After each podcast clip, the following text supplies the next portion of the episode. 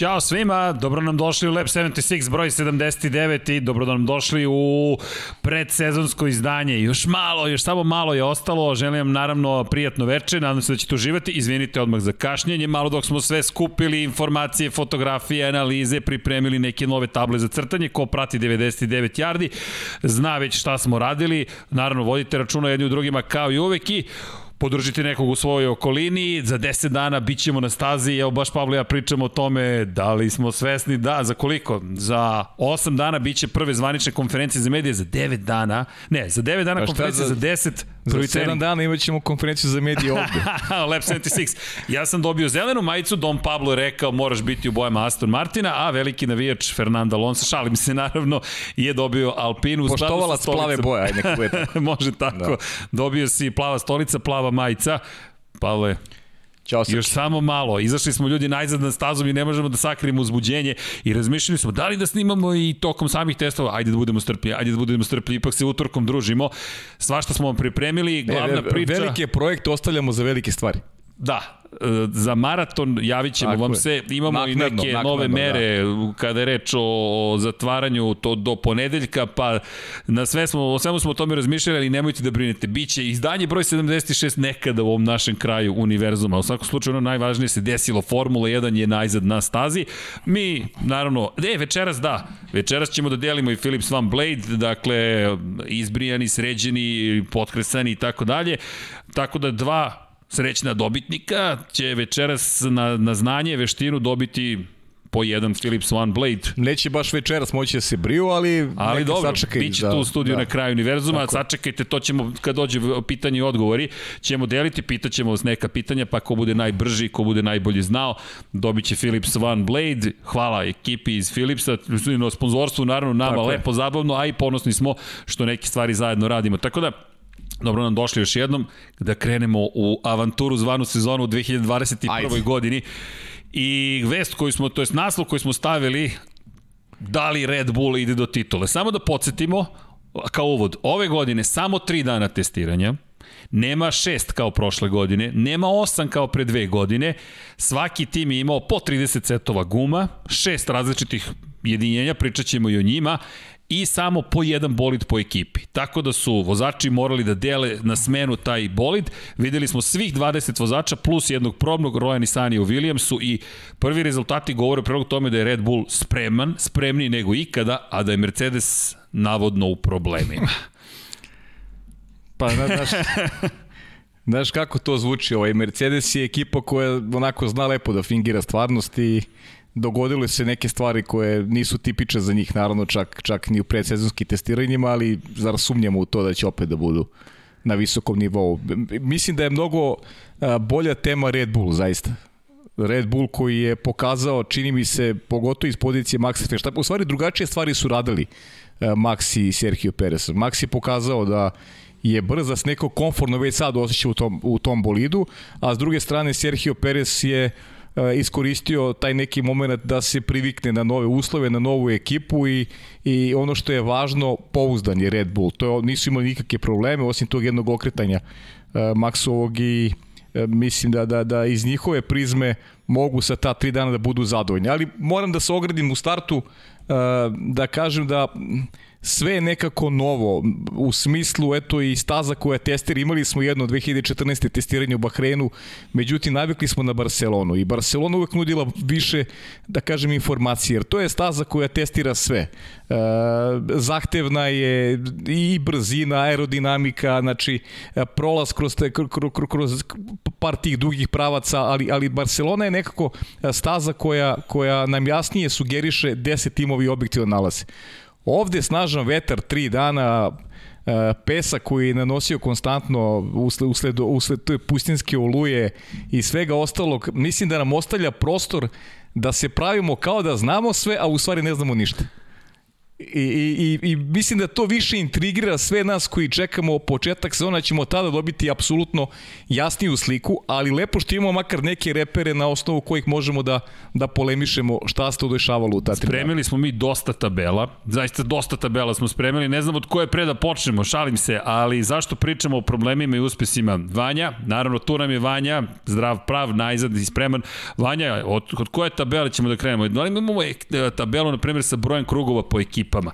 To je ono što je i tekako zanimljivo. Zašto to spomenjamo? Mercedes se našao u situaciji, zašto pričamo o problemu Mercedesa? Mala rekapitulacija testa. Ajde. Najbrži čovek na testu posle 3 dana je bio Max Verstappen u Red Bullu. Ove godine imamo veliku pro... Opa, evo mali pogled na na broj krugova timova i vezača po danima.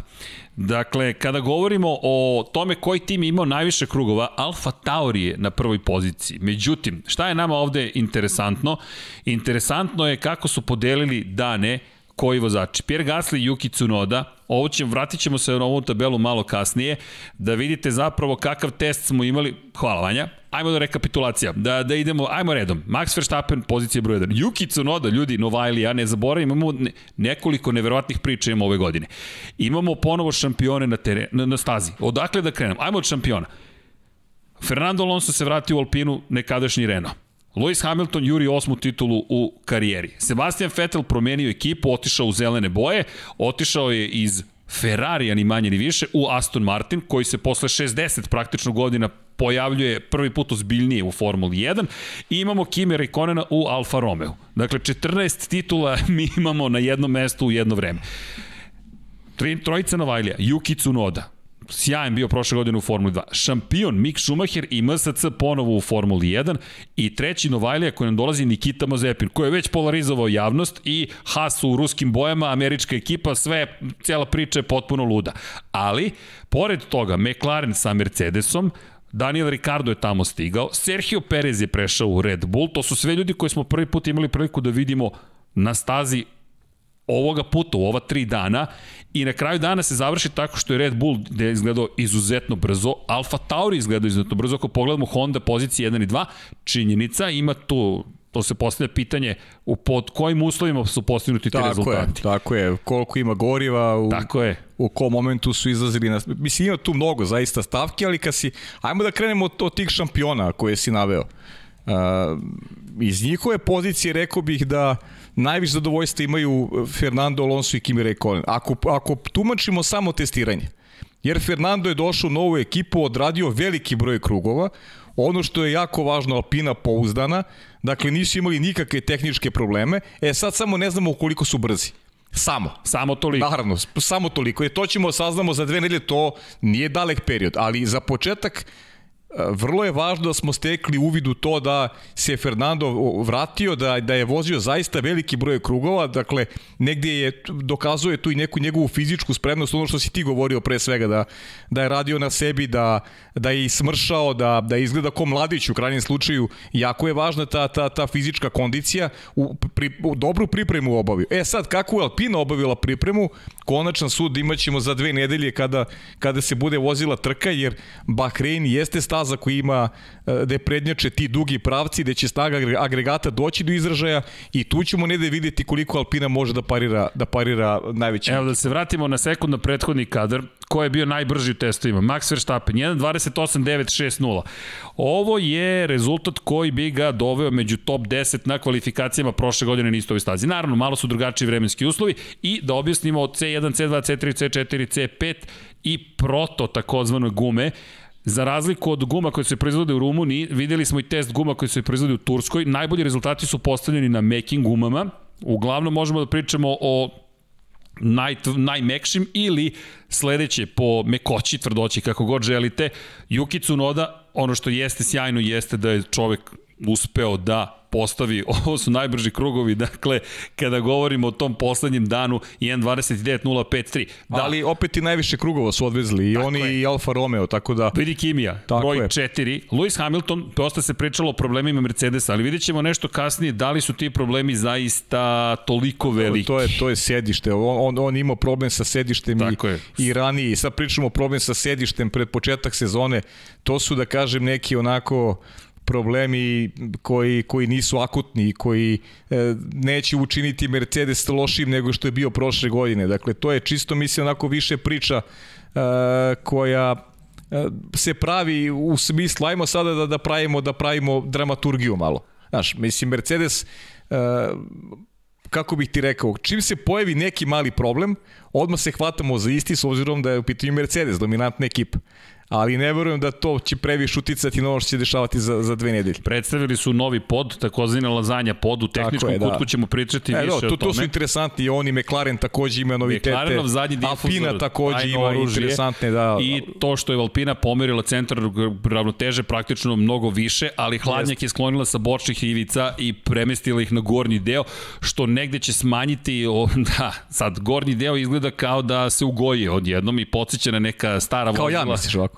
Pa pazi, u bojama si. Da. Možda je to i ad, Moguće, ima, ima neka. Ali, ali, ajmo, ajmo, da, ajmo da se dotaknemo zaista Verstappena. Izgledao je dominantno, izgledao yes. je sjajno i cijele godine prošle i pretprošle i nadprošle i prethodne godine pričamo gde je Red Bull na početku sezone. E, bravo, to evo je, ga. Tako je. Pa, evo ga Red Bull. Evo ga, da, evo ga u predsezonskim testiranjima, ali ajde da... Pogledaj broj potvrde. krugova. Tauri, Romeo, manje ekipe, najviše krugova. Ferrari 18 krugova manje ukupno, Alpina samo 26 manje. Ne zaboravimo, Alpina mora da ima mnogo krugova. Jedini proizvođač koji koristi Renove agregate je Alpina. Haas, da, ima prošlogodišnji bolid, ali su bili na stazi. Ajmo da pričamo o tome, da li je ovo iznenađenje što je, što je ekipa Red Bulla nekako najbliže Mercedesu? što su pokazala pre sezonga testiranja. Tači Max Verstappen je bio najbrži. Red Bull je definitivno ekipa od koje očekujemo da, da e, onako bude uz rame Mercedesu tačnije, da ima možda više pobede nego što je bio slučaj prošle godine. I misli da su u stanju da tako nešto naprave. Dolaskom Serhija Pereza imaju sada boljeg vozača broj 2, ja ću ga zva, nazvati vozač broj 2, ja stvarno mislim da je on a, tu da bude bolji vozač broj 2 nego što su to a, godine bili Pierre Gasly i naravno, i naravno Alex Albon. Tako da to je neki pomak koji, koji Red Bull treba da ima ove godine i očekujem više pobjeda ove sezone za ekipu Red Bull. E sad, da li će da se ispuni ovaj naslov koji smo dali Red Bull do titule, da li je to ostvarivo, ajde da ja ne bih baš otvoreno pričao na tu temu, smatram Mercedes favoritom, ali se negde potrebno nadam da Red Bull može da izgura sezonu do kraja u visokom ritmu i da taj početak e, će biti onako najbolji pokazatelj da li su napravili očekivane pomake i da li mogu sa Mercedesom da se nose bara bar e, u, u borbi za, za šampionsku titulu. Sergio Perez je stigao, ovo mu je bio prvi test. Meksikanac koji je prošle godine u Racing Pointu zabeležio prvu pobedu u karijeri. Rekao je potrebno mi je još vremena, međutim već sada smo imali priliku da vidimo da je Red Bull veoma ozbiljno pristupio i tome da novog vozača, kao što je Ricardo mora da se privikne na McLaren, kao što Vettel mora da se privikne na Aston Martin, prilagodio zapravo na neki način svom bolidu. Da, videli smo da tu još ima posla, ali opet kada pogledaš Red Bull, koliko kompaktno to sve deluje i ono što će biti veoma važno u tehničkom kultu, činjenica da gubitak prijanjanja na zadnjem kraju, promena mhm. oblika poda, zabrana korišćenja proreza i činjenica da je zapravo sužen zadnji kraj, su uticali na to da ta filozofija Adriana Njujija sa podignutim visokim rejkom, dakle prednji kraj da je popoden praktično zadnji izvišen, to ćemo vidjeti kasnije u tehničkom kutku na fotografijama, tu ćemo malo da crtamo, je nešto što deluje kao da pomaže svima koji koriste tu filozofiju koju ima Adrian Newey. Mercedes, vidjet ćete na fotografijama, je uvek veoma nisko. Zadnji kraj pogotovo. Prethodne sezone i pretprošle godine, to je bila velika prednost Mercedesa. Dakle, došli smo u situaciju da se sada izgleda promenom pravila stvari zaista menjaju. Skeptični smo i ti i ja, znamo koliko je Mercedes moćan, titule, titule, titule. 2014. su nezaustavljivi i imaju 10 dana de facto da stvari promene. Već danas su imali dan snimanja, filmski dan i opet se činilo da su neki novi delovi stigli kada je reč o Mercedesu. No, Red Bull kada govorimo o najčim ekipama u koji dalje svrstavamo i Ferrari, bez obzira na prošlogodišnji fijasko, ipak su, ne zaboravimo, morali da odrade svoju kaznu i taj tajni dogovor sa Međunarodnom automobilskom federacijom, koji dalje ne znamo šta je, mada je Mika Sala izgleda dao uvid. Objašnjenje. Tako je, u to šta je tu bio zapravo problem. I kada govorimo o Ferrariju, svrstavamo ga u tu vodeću grupu. Red Bull uradio je bolji posao. Od Mercedesa svakako, za sada. Ali za ovo ne dobijate poene, to je ono što je najveći problem. Tako je, pa to, to je to. A Red Bull je najbliži Mercedesu i mislim da ima tu jedna praznina.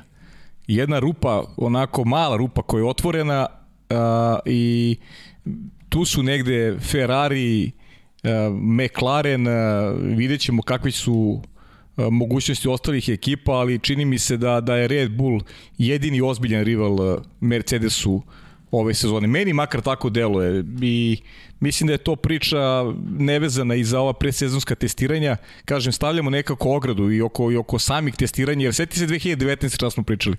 2019. je veliki deo javnosti bio sklon tvrdnji da će Ferrari izdominirati tokom, tokom sezone. Na osnovu onoga što smo gledali u Barceloni, je tako?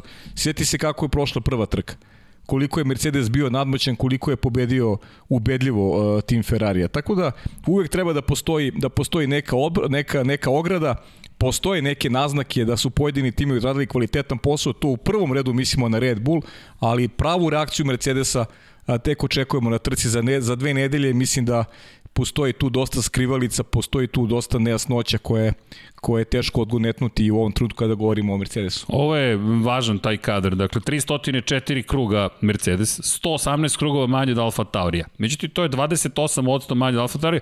Kada uporedimo sa Red Bullom, na primjer, to je zapravo samo 65 krugova manje ukupno. Ali koliko je Mercedes kao proizvođač imao krugova. E, sada dolaziš do ključnog pitanja i tu tabelu takođe imamo Mercedes kao proizvođač motora zapravo koliko je imao krugova. I tu kada saberemo, hajmo kao uvod u taj, taj pri... Hvala Vanja. Ale, Pogledajte Vanja, ovo, pa to, Vanja je car. 1318 krugova su imali korisnici Mercedesovih motora. Ferrarijevih 1220, Hondinih 791 i Renovih 396. Dakle, da pričat ćemo o tome ko šta tu sme da razmiri od podataka. Mercedes kao proizvođač motora je opet imao najviše krugova. Mi govorimo o tome da osam vozača će ove godine koristiti Mercedesove agregate. Četiri ekipe puta dva. Rekli smo na početku, samo po jedan bolic su mogli da koriste timovi tokom ovih testova. U slučaju Williamsa tri vozača, ukupno devet vozača je testiralo Mercedesove agregate. I možemo da vidimo progresiju. 319 po danu prvoga dana, drugoga 433 i onda 566. Samo prvoga dana Mercedes nije imao najviše krugova. Šta smeju da razmenjuju timovi? Ne smeju podatke o performansama da razmenjuju, ali smeju da razmenjuju i moraju sve podatke o pouzdanosti motora, to jest bolida. I kada pogledate Mercedes, ukoliko postoji neki problem sa aerodinamikom, da, tu je donekle svom na svoj na svome. Međutim, opet najveći broj krugova su obavili kada je reč o pogonskoj jedinici Mercedesovi korisnici. Ferrari može biti veoma, veoma, veoma zadovoljan. Honda, pa, s obzirom na činjenicu da ima dva tima, ovo je dobro, konstantno 250, 261, 280 i na kraju Renault. Renault, koji, to je ono čemu smo pričali, ove godine je sam. Nema s kim da podeli kilometražu. Jeste, pa to, to je, govorili smo i tokom, pa mislim, nije zgorek da, da ponovim uvek neke stvari. Renault je u ozbiljnom problemu zbog toga što ostao bez neko ko će mu dati tu neku tehničku neku podršku u smislu podataka pravih. Ta saradnja sa McLarenom je mislim bilo obostrano dobra i opet vratit ću se na, na neke stare teme i dalje smatram da je McLaren uh, napravio grešku što nije ostao uz Renault. To i dalje moj stav. I pogotovo sada nakon ovih testiranja više sam ubeđen u to da je McLaren napravio grešku, ali možemo da analiziramo nešto kasnije nešto kasnije McLaren. Da, McLaren će analizirati to njihovo tajno oružje koje se zove zadnji difuzor. Ok, da. Red Bull, nova ekipa, realno. Mercedes je stari tim. Vidjet ćete, mamy da bacimo pogled i broj krugova po vozačima, po danima. To je takođe vrlo interesantno. Čovek koji je, pogled, obratite pažnju na ovo, Pierre Gasly, 237 krugova. Čovek je vozio svakoga dana. Vrlo konstantni Alfa Tauri. Kimi Raikkonen, impresivan trećeg dana, 166 krugova, Nikita Mazepin nije izlazi iz bolida, Charles Leclerc, putuje. Drugi, treći dan kod Fernanda Alonso 128, 78, ukupno 206, Raikkonen inače 229 ukupno, Mazepin 213, Leclerc 212. I pričamo sve o momcima koji nisu imali problema, to je ono što je mnogo važno. Tehničkih problema nije bilo, dakle pouzdani, ne. pouzdani agregati, sve, sve iz te percepcije izašlo kako treba. To, a, to je mnogo važno. A brati pažnju novo, Honda, Ferrari, Ferrari, Ferrari, pa dolazi Renault i Fernando Alonso sa 206 krugova. Max 203 kruga, Zanimljivo da je prvoga dana imao najviše kruga, 139, Stroll 197 za Aston Martin, Antonio Giovinazzi, Alfa Romeo 193, pogledajte taj test Alfa Romeo, oni su stalno bili na stazi, Carlos Sainz mlađi 192 kruga, Esteban Ocon 190, Yuki Tsunoda 185, Novajlija 91 krug poslednjih dana, uključujući to vreme broj 2 i nekako je pokupio simpatije svih nas, Japanac i inače je pokupio. Pa dobro, Ako... svaki Novajlija naravno ponako pod lupom i kad uradi nešto lepo, a lepo je kad se završe trenizi na pravi način bez nekih problema, za pohvalu je svako. Ipak Novajlija koji mislim da će da će dostavi trag u, u, Formuli 1, pogotovo ukoliko dobije šansu i naredne godine. E, to je sad nešto što opet i diskutabilno da li će se dogoditi. Kada pogledamo i iza Cunode, dakle kada krenemo sada od pozicije 12 pa naniže, dakle ovo je do ovo je prvih 11. Zapravo ima 21 vozača, to smo napomenuli, ali Alfa Tauri prva 11. pozicija, dva Ferrarija su tu, jedan Haas, Aston Martin će biti, vidjet ćete ka, ono što je ovde simptomatično i šta, šta, o čemu možemo da pričamo, oporajte pažnju, među vodećih 11 nemate ni jednog Mercedesovog vozača. E to je ono što jeste problem bio za Mercedes, pogotovo taj prvi dan, pustinjski dan, inače uslovi su bili katastrofalni prvoga dana, Baš su bili loši uslovi kada govorimo o, o, o vremenu koje nas je sačekalo u Bahrinu i patimo nekako za Barcelonom. Znaš, ta popeščana luja je baš uticala na jedan loš način zapravo na, na, na test prvoga dana, pogotovo yes. što imaš samo tri dana testiranja. Pa zato ti kažem, nekako smo u, posle Barcelona imamo više podataka, realno. Zato što je takva staza zahtevnija je i testira više elemenata koji, koji mogu da nam pomognu da, da, da, da spoznamo uh, u kom se stanju nalaze ekipe. Sad kad pogledaš ove, ove rezultate i šta se dešavalo u Bahreinu, uh, možemo da govorimo o Red Bullu kao nekom koji je uz Mercedes. Ajde, ajde mi rangiraj Aston Martin, Ferrari, McLaren Ili imaš neku jasniju viziju o tome šta mogu te ekipe? Ja opet, pa. na osnovu svega što smo videli, zaista smatram da, da ta borba za te neke srednje pozicije možda bude dramatična, zanimljiva kao i prošle godine. Ali, ali borba za sam vrh, za, za podijumske pozicije, za titulu, opet mislim da će se svede na, na, na ove dve ekipe, na, na Mercedes i na, i na Red Bull. Koliko god bismo želi da stvari budu drugačije, nekako ne vidim da se to događa. Vidi, ja malo romantičarski sad gledam ovu tabelu. Gledam Mick Schumacher, 180 51 krug, fenomenalno. I onda dođe Daniel Ricardo, McLaren koji ima tajno oružje, deluje dobro, deluje pouzdano, ali opet kada pogledate broj krugova, nisu bili na onoj gornjoj tab, gornjem nisu. delu tabele, nisu. Sergio Perez 117 drugoga dana, to ćemo vidjeti kasnije uporadnu tabelu po timu. George Russell samo jedan dan 158 krugova, Hamilton prvi treći dan ukupno 154 kruga, mada ne jedan dan, čini mi se ovde ne, neka kalkulacija nam se ovde poremetila, mi čini mi se kod Hamiltona. Lando Norris 46, 58, 56, 154. Valtteri Bottas je na kraju imao 150 krugova. Valtteri Bottas je šest krugova, međutim vozio samo prvog dana i to je bio ozbiljan problem. Pokvario se menjač. E tu je sad bilo pitanje, Toto Wolff se oglasio i rekao da je to u suštini mali kvar i mali problem koji do sada nisu imali. Nema razloga da sumnjamo, ali hajde, vidjet ćemo. Ono što je problem jeste što kada govorimo o, o ajde da kažemo o Mercedesu, jeste činjenica da nismo navikli na ovo.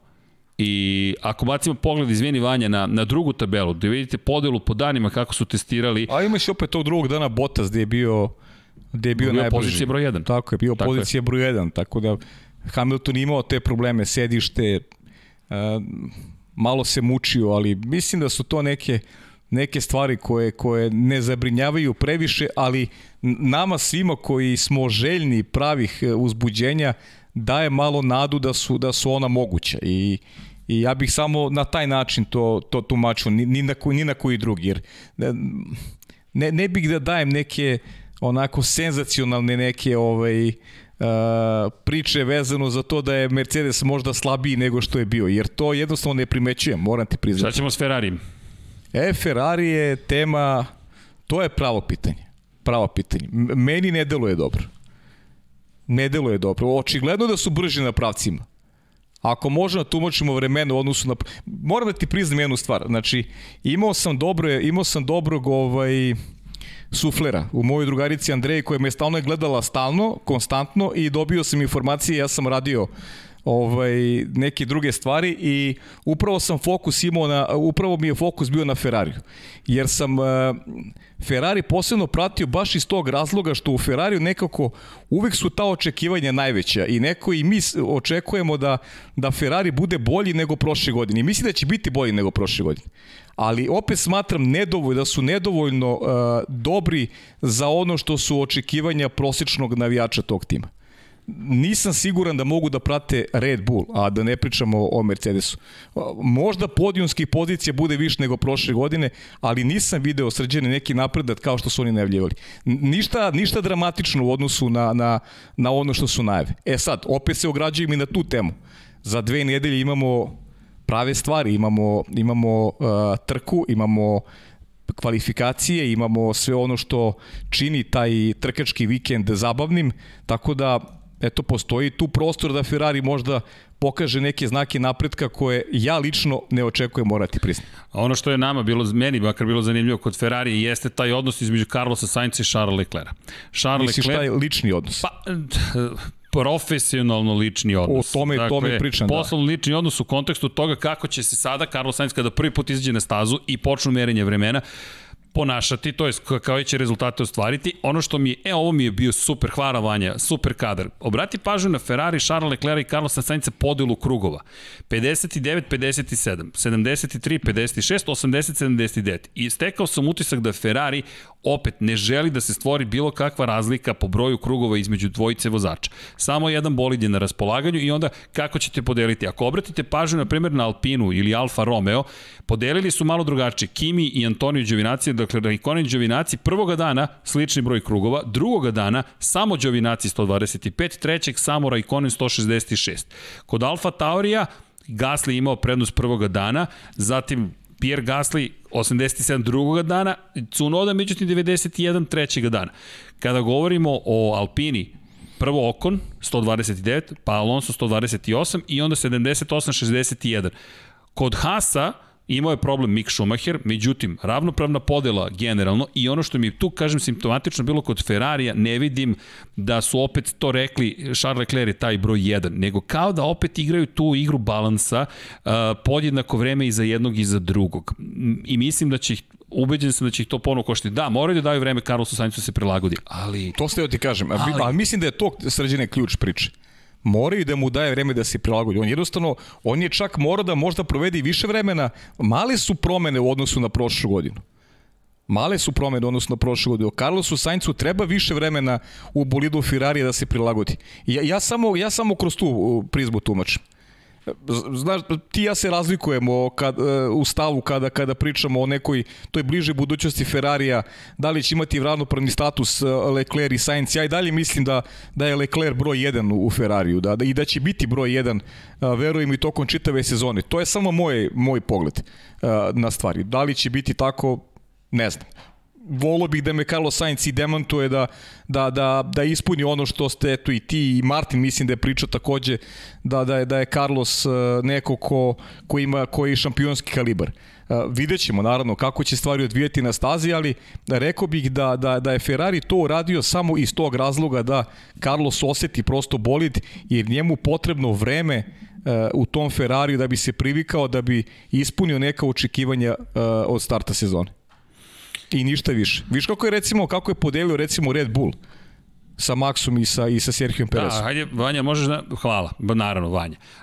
Max prvoga dana 139, zatim Sergio 117 i onda 64, 49. Tako je. Zanimljivo mi je, kažem, zanimljivo je bio pristup. Obrati pažnju na McLaren prvoga dana, 45, 46, pa 52, 52 i onda 76, 56 podela po danima kada pogledamo i opet će, vratit ćemo se opet na onu priču o Mercedesu. Mercedes na kraju pogledaš i kažeš čekaj, ovo ipak su odveženi krugovi. Ovde je tabela tačna. Dakle, kada govorimo o Mercedesu 42, 58, 54 mm. za Hamiltona. Ali dobar je tvoj pogled. Dobar je tvoj pogled zato što a, mi ga gledamo i, i pogotovo iz pozicije McLarena. I onda kad pogledaš McLaren, pa staviš u tu istu prizmu Ferrari i dođeš do zaključka da je to to, da pokušavaju da naprave neki ravnopravan odnos unutar ekipe. Ali ja stvarno mislim da u Ferrariju razlog samo taj, da su tražili prosto uh, više, više uh, uh, vremena, tačnije prostora za Saince da provede adekvatno vreme na stazi kako bi se prilagodio novom timu. Gde on, timo, gde je on to mogao da uradi osim novim testiranjima? Meni su, kažem ti, vrlo zanimljivi ovi krugovi. Da, vremena su uh, važno da ih pogledate, ali hajde da budemo realni. Ko je zaista pokazao pravu snagu? Da li možda Yuki Tsunoda i Alfa Tauri? Možda. Možda. Čak i ni Red Bull ne verujem da je pokazao sve što je ne spremio. Verujem, ne verujem. I mislim da nas tek čeka zapravo pravo merenje vremena. Inače, Pirelli je već rekao da očekuje da će rezultati biti isti kao i prošle godine. Bez obzira na taj očekivani gubitak 10% prijanjanja zadnjeg kraja, što smo videli kod Mercedesa, ono što je nesvakidašnje bilo, Mercedes se mnogo okretao na stazi. Bilo je tu problema. Inače, Ferrari osmi stepen prenosa nije koristio do poslednjeg dana. Sad možemo da nagađamo da li je to bio problem iz perspektive pouzdanosti, da li su možda pokušavali da testiraju šta mogu da postignu na nekim drugim stazama. Da ne zaboravimo, to je mnogo bitan detalj. Detalj nema promene odnosa stepena prenosa tokom cele godine. Jednom kada vozač odredi svoj stepene prenosa, odnose u stepenima prenosa, u tih 8 brzina, to je to. Za sve staze, za svih 20, za sve 23 staze ima jedan te isti odnos koji je izabran na početku godine. I to je kompromis. Na nekoj stazi ćete biti bolji, na nekoj stazi ćete biti loši. Mi ne znamo da li Ferrari od ove staze želi da mu to bude ključna staza ili cilja neka druga mesta tokom sezone. Jeste. Ali ova staza možda bude indikator onoga što su oni radili tokom prošle godine, zato što je satkano od tih dugih pravaca i tu treba da se vidi koliko je snaga agregata Ferrarija a, bolje u odnosu na ono što smo pratili prošle godine, jer pa, to je ono što je njima neophodno. Već prvog dana su bili brži nego što su bili prošle godine. Tako je. E sad, to se vidi negde i kroz rezultate, u krajnjem slučaju i Alfe. Alfa je takođe bila prilično, prilično pa. Pa i Haas, bez pa obzira... Pa Haas, ajde, Haas i Williams su mi nekako ipak Ali, znaš šta, ekipe od kojih se najmanje očekuje realno. Koliko je bio pouzdan. Uh, Haas se nije kvario i to je opet nešto. Pa dobro, Haas je opet što što je bio Bar pouzdan, opet to je zasluga i njihovih mehaničara i ljudi koji rade, koji rade unutar ekipe. Mislim, to je, prosto ne mogu da budu gori od, odnosno ono što je bilo prošle godine. Ali, Ovo je isti bolid kao prošle, manje više. Ali, ali e, snaga agregata Ferrarija treba da pomogne Alfi da se možda uključi tu borbu tih srednjih timova, timova srednjih kategorije, kako ih zovemo, jer, jer prošle godine iz te pozicije bilo jako, jako interesantno, imali smo zaista super dešavanja u toj borbi za treći, četvrto, peto, šesto, sedmo mesto, to je nešto što je sezonu obeležilo prošle godine, a, a ove, kažem ti, mislim da nas čeka neka slična priča sa možda još ujednačenijim ekipama uh, od tog trećeg do potencijalno sedmog mesta, a sa možda većim, e, da kažem, rivalitetom koji će se stvoriti na relaciji Mercedes-Red Bull. Jer ja negde očekujem da će Red Bull imati više pobede nego što je bio slučaj prošle godine. Da, deluje da ukoliko bi još mogli, ukoliko zaista mogu da nadigraju Mercedes na ovoj stazi, to je velika, velika, velika Jest. stvar. 24 trke, čisto podsjećanja radi.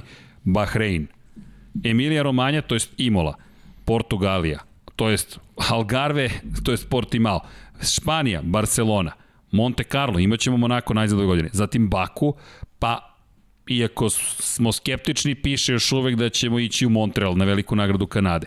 Zatim Paul Ricard, Red Bull Ring, Hungaroring, to je Silverstone, da ne zaboravim, Hungaroring, pa Spa, pa Zandvoort, koji dolazi u kalendar posle mnogo godina, idemo u Moncu, pa Soči, pa ukoliko sve bude kako treba, ići ćemo ponovo na, na uličnu stazu, idemo u Singapur, posle Singapura Japan i Suzuka, pa velika nagrada Amerika, to jest Austin, to jest Circuit of the Americas, kotač popularna, zatim Mexico City, pa onda Sao Paulo, koji nadamo se da ćemo, kažem, najzad posetiti, pa Melbourne, pa Jeddah i Jas Marina, to je Abu Dhabi. To je 23 trke. Počinjemo 28. marta, završavamo 12. decembra.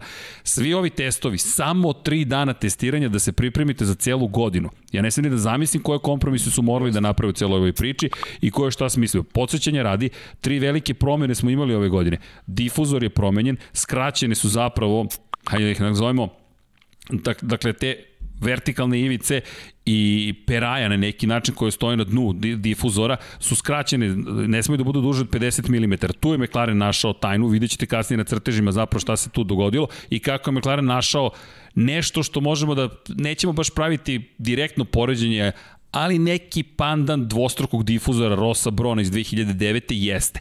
Da li može da im donese to prijanjanje kojima, kojim se nadaju, ne znamo, ali ukoliko je McLaren to rešio, to će biti velika stvar. I što me dovodi negde do Ajde da napomenemo još dve stvari, to je promene zapravo na kočnicama na zadnjem kraju odnos zapravo i pro, promer koji imate između opet difuzora, zadnjih kočnica i poda. Uži je pod na zadnjem kraju i takođe nema proreza onih vrlo intrikantnih proreza koji su sprovodili zapravo vazduh na određeni način, poboljšavali prijanje zadnjeg kraja prethodne godine.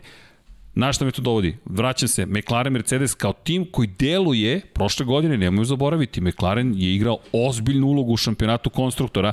McLaren ove godine deluje da će morati s Ferrarijem da se bori, ali McLaren Mercedes su ponovo na snazi i Pavle bolje deluju u ovim početnim testovima nego što smo možda očekivali. I to ne u kontekstu direktne brzine, već poređenje sa drugima. Deluju kao da su odradili domaći, domaći zadatak. Prosto su spremni ušli u tu saradnju s Mercedesom i pride i izmislili jedno rešenje koje još niko nije napravio. Pa pazi, odradili su testiranje bez problema i kvarova. To je ono što, što možemo da konstatujemo. I, I ponovo taj neki balans koji treba da postoji između vozača. Sad ne znam, e, koliko si, koliko si primetio, ne znam, da, da, li, da li postoji ta harmonija uh, na relaciji Ricardo, no, Ricardo, Ricardo Lando Norris kao što je bila između, između Landa i Sainca. To ću vidjeti ka poči sezona. Naravno, verujem da su i veće očekivanja Landa Norisa u odnosu na ono što je bio slučaj prethodnih godina, jer ipak je on sad već momak koji je i sazreo i očekuje da, da ima u sebe veliku podršku. Opet, s druge strane, dobio je rivala koji je, čini mi se, mnogo teži mnogo teži, mnogo teži za njega. Neko ko je doveden kao velika zvezda. Ricardo se e, profilisao kao vozač od stava karaktera, neko ko e, iz moje prizme može da bude i ulog za osvajanje šampionske titule ukoliko mu se kockice u karijeri nameste. Tako da me to zanima kako će izgledati ta ta relacija između njih dvojice. Da li postoji, da li će postojati ta harmonija kao što je bila između, između uh, Landa i Sainca? Nisam baš siguran, morati priznam. I imam još jednu stvar, to je tema, ajde, pre, spremamo neke iznenađenje za narednu, za narednu nedelju kada je reč o, o najavi sezone, ali ajde malo da, da, da zagrebemo po toj površini. Jedno od mojih razmišljanja jeste sledeće. Daniel Ricardo ima 31 godinu. Dugo je već u Formuli 1. I da, volimo ga, sjajan je, brz je, fantastičan je, ali Pavle, do kojeg momenta možemo da pričamo o tituli iz te perspektive, to jest kada će doći moment kada imaš 31, 2, 3, da li može sledeće godine? Imam utisak da će sledeća biti apsolutno najluđa godina koju smo ikada da. videli u novijoj istoriji Formule 1. smo i pričali za njega, sećaš se i ti ja, da je ovo sezona Ricardove neke prekretnice. Ja mislim da on čovjek nije spreman za tu vrstu kompromisa, e, treba da uradi što i to, zato što Lando ima, ne znam, bolju poziciju ili tako. Mislim da će on gurati do maksimuma, jer ovo je njegova posljednja šansa da se nametne kako bi jednog Upravo dana to. postao šampion. Ali to Nema mesta kompromisu. Što si ti rekao, to onda sa Norrisom nema ljubavi teško da Onda sa Norrisom nema ljubavi. Teško će biti. Ali pitanje je kako i Lando gleda na njega. Jer ti sad imaš opet, s druge I strane... I Andreas Zajdel kao šef ekipe. Tako je, ti imaš Ricarda koji, kažeš, ima 31 godinu. Prošao je, prošao je u karijeri Red Bull, prošao je Renault. E, pozicionirao se svuda, svuda se pozicionirao kako treba. Dolazi u jednu, jednu veliku ekipu. Kaka je McLaren. Ima za rivala jednog mladog momka koji više nije dečak I on je već prošao jedno sazrevanje, prošle godine je bila sjajna u njegovoj kar je došao do podijuma. Apetiti rastu. I on hoće svoje, svoje mesto pod suncem. I on hoće da, da grebe, da, da, da, uzme ono, da uzme najviše što može. I imamo tu sada jedan i generacijski sukob, a imamo i dva kvalitetna vozača.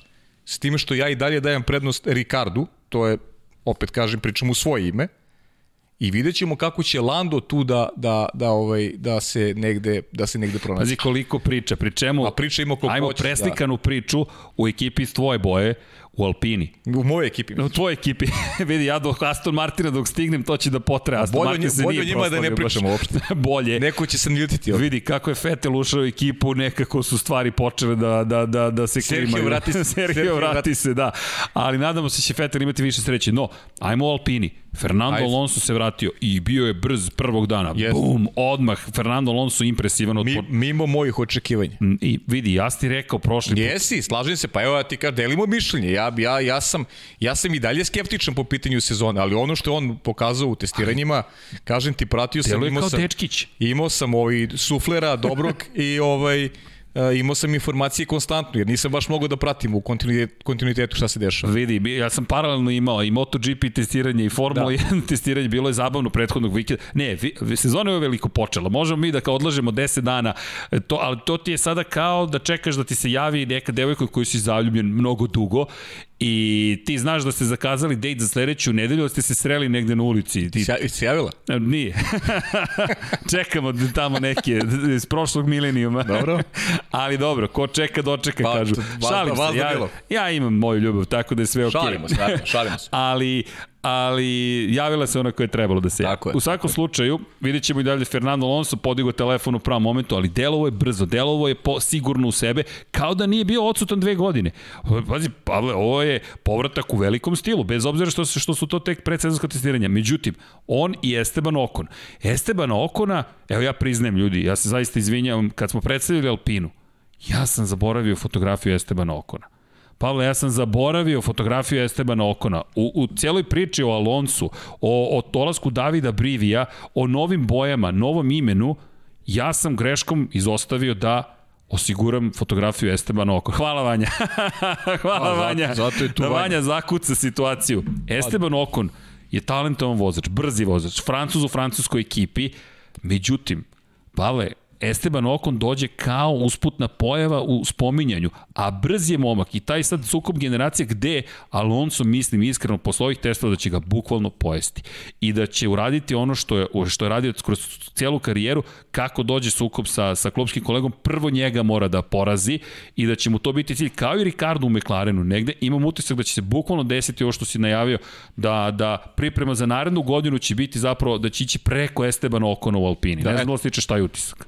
E, vidiš, za Ricarda sam, za Ricarda mislim ovo što sam, što, tu, se, tu se slažemo, ne slažem se do kraja i dalje za, branim svoj stav i dalje kad je u pitanju Fernando Alonso. Mnogo ga poštem i mnogo ga volim kao šampiona. On je jedan od, od ljudi zbog kojih svih tih godina pratimo Formuli 1 i, i velika je sreća što imamo toliki broj šampiona na jednom mestu sledeće godine. To je, mislim, ove sezone u stvari, to je velika privilegija svih nas koji volimo ovaj sport. Ali i dalje sam negde skeptičan kad je u pitanju kontinuitet Fernanda Alonsa kao neko ko je ko ulazi u petu deceniju života protiv ovih mladih momaka, neko se odmah seti Mihala Šumehera i njegovog povratka u ekipu e, Mercedesa, rivalstva sa Nikom Rosbergom. Ja mislim da Esteban, opet pričamo o Esteban Okonu, srđane, ajde ne zaboravimo kakav je karakter Esteban Okon.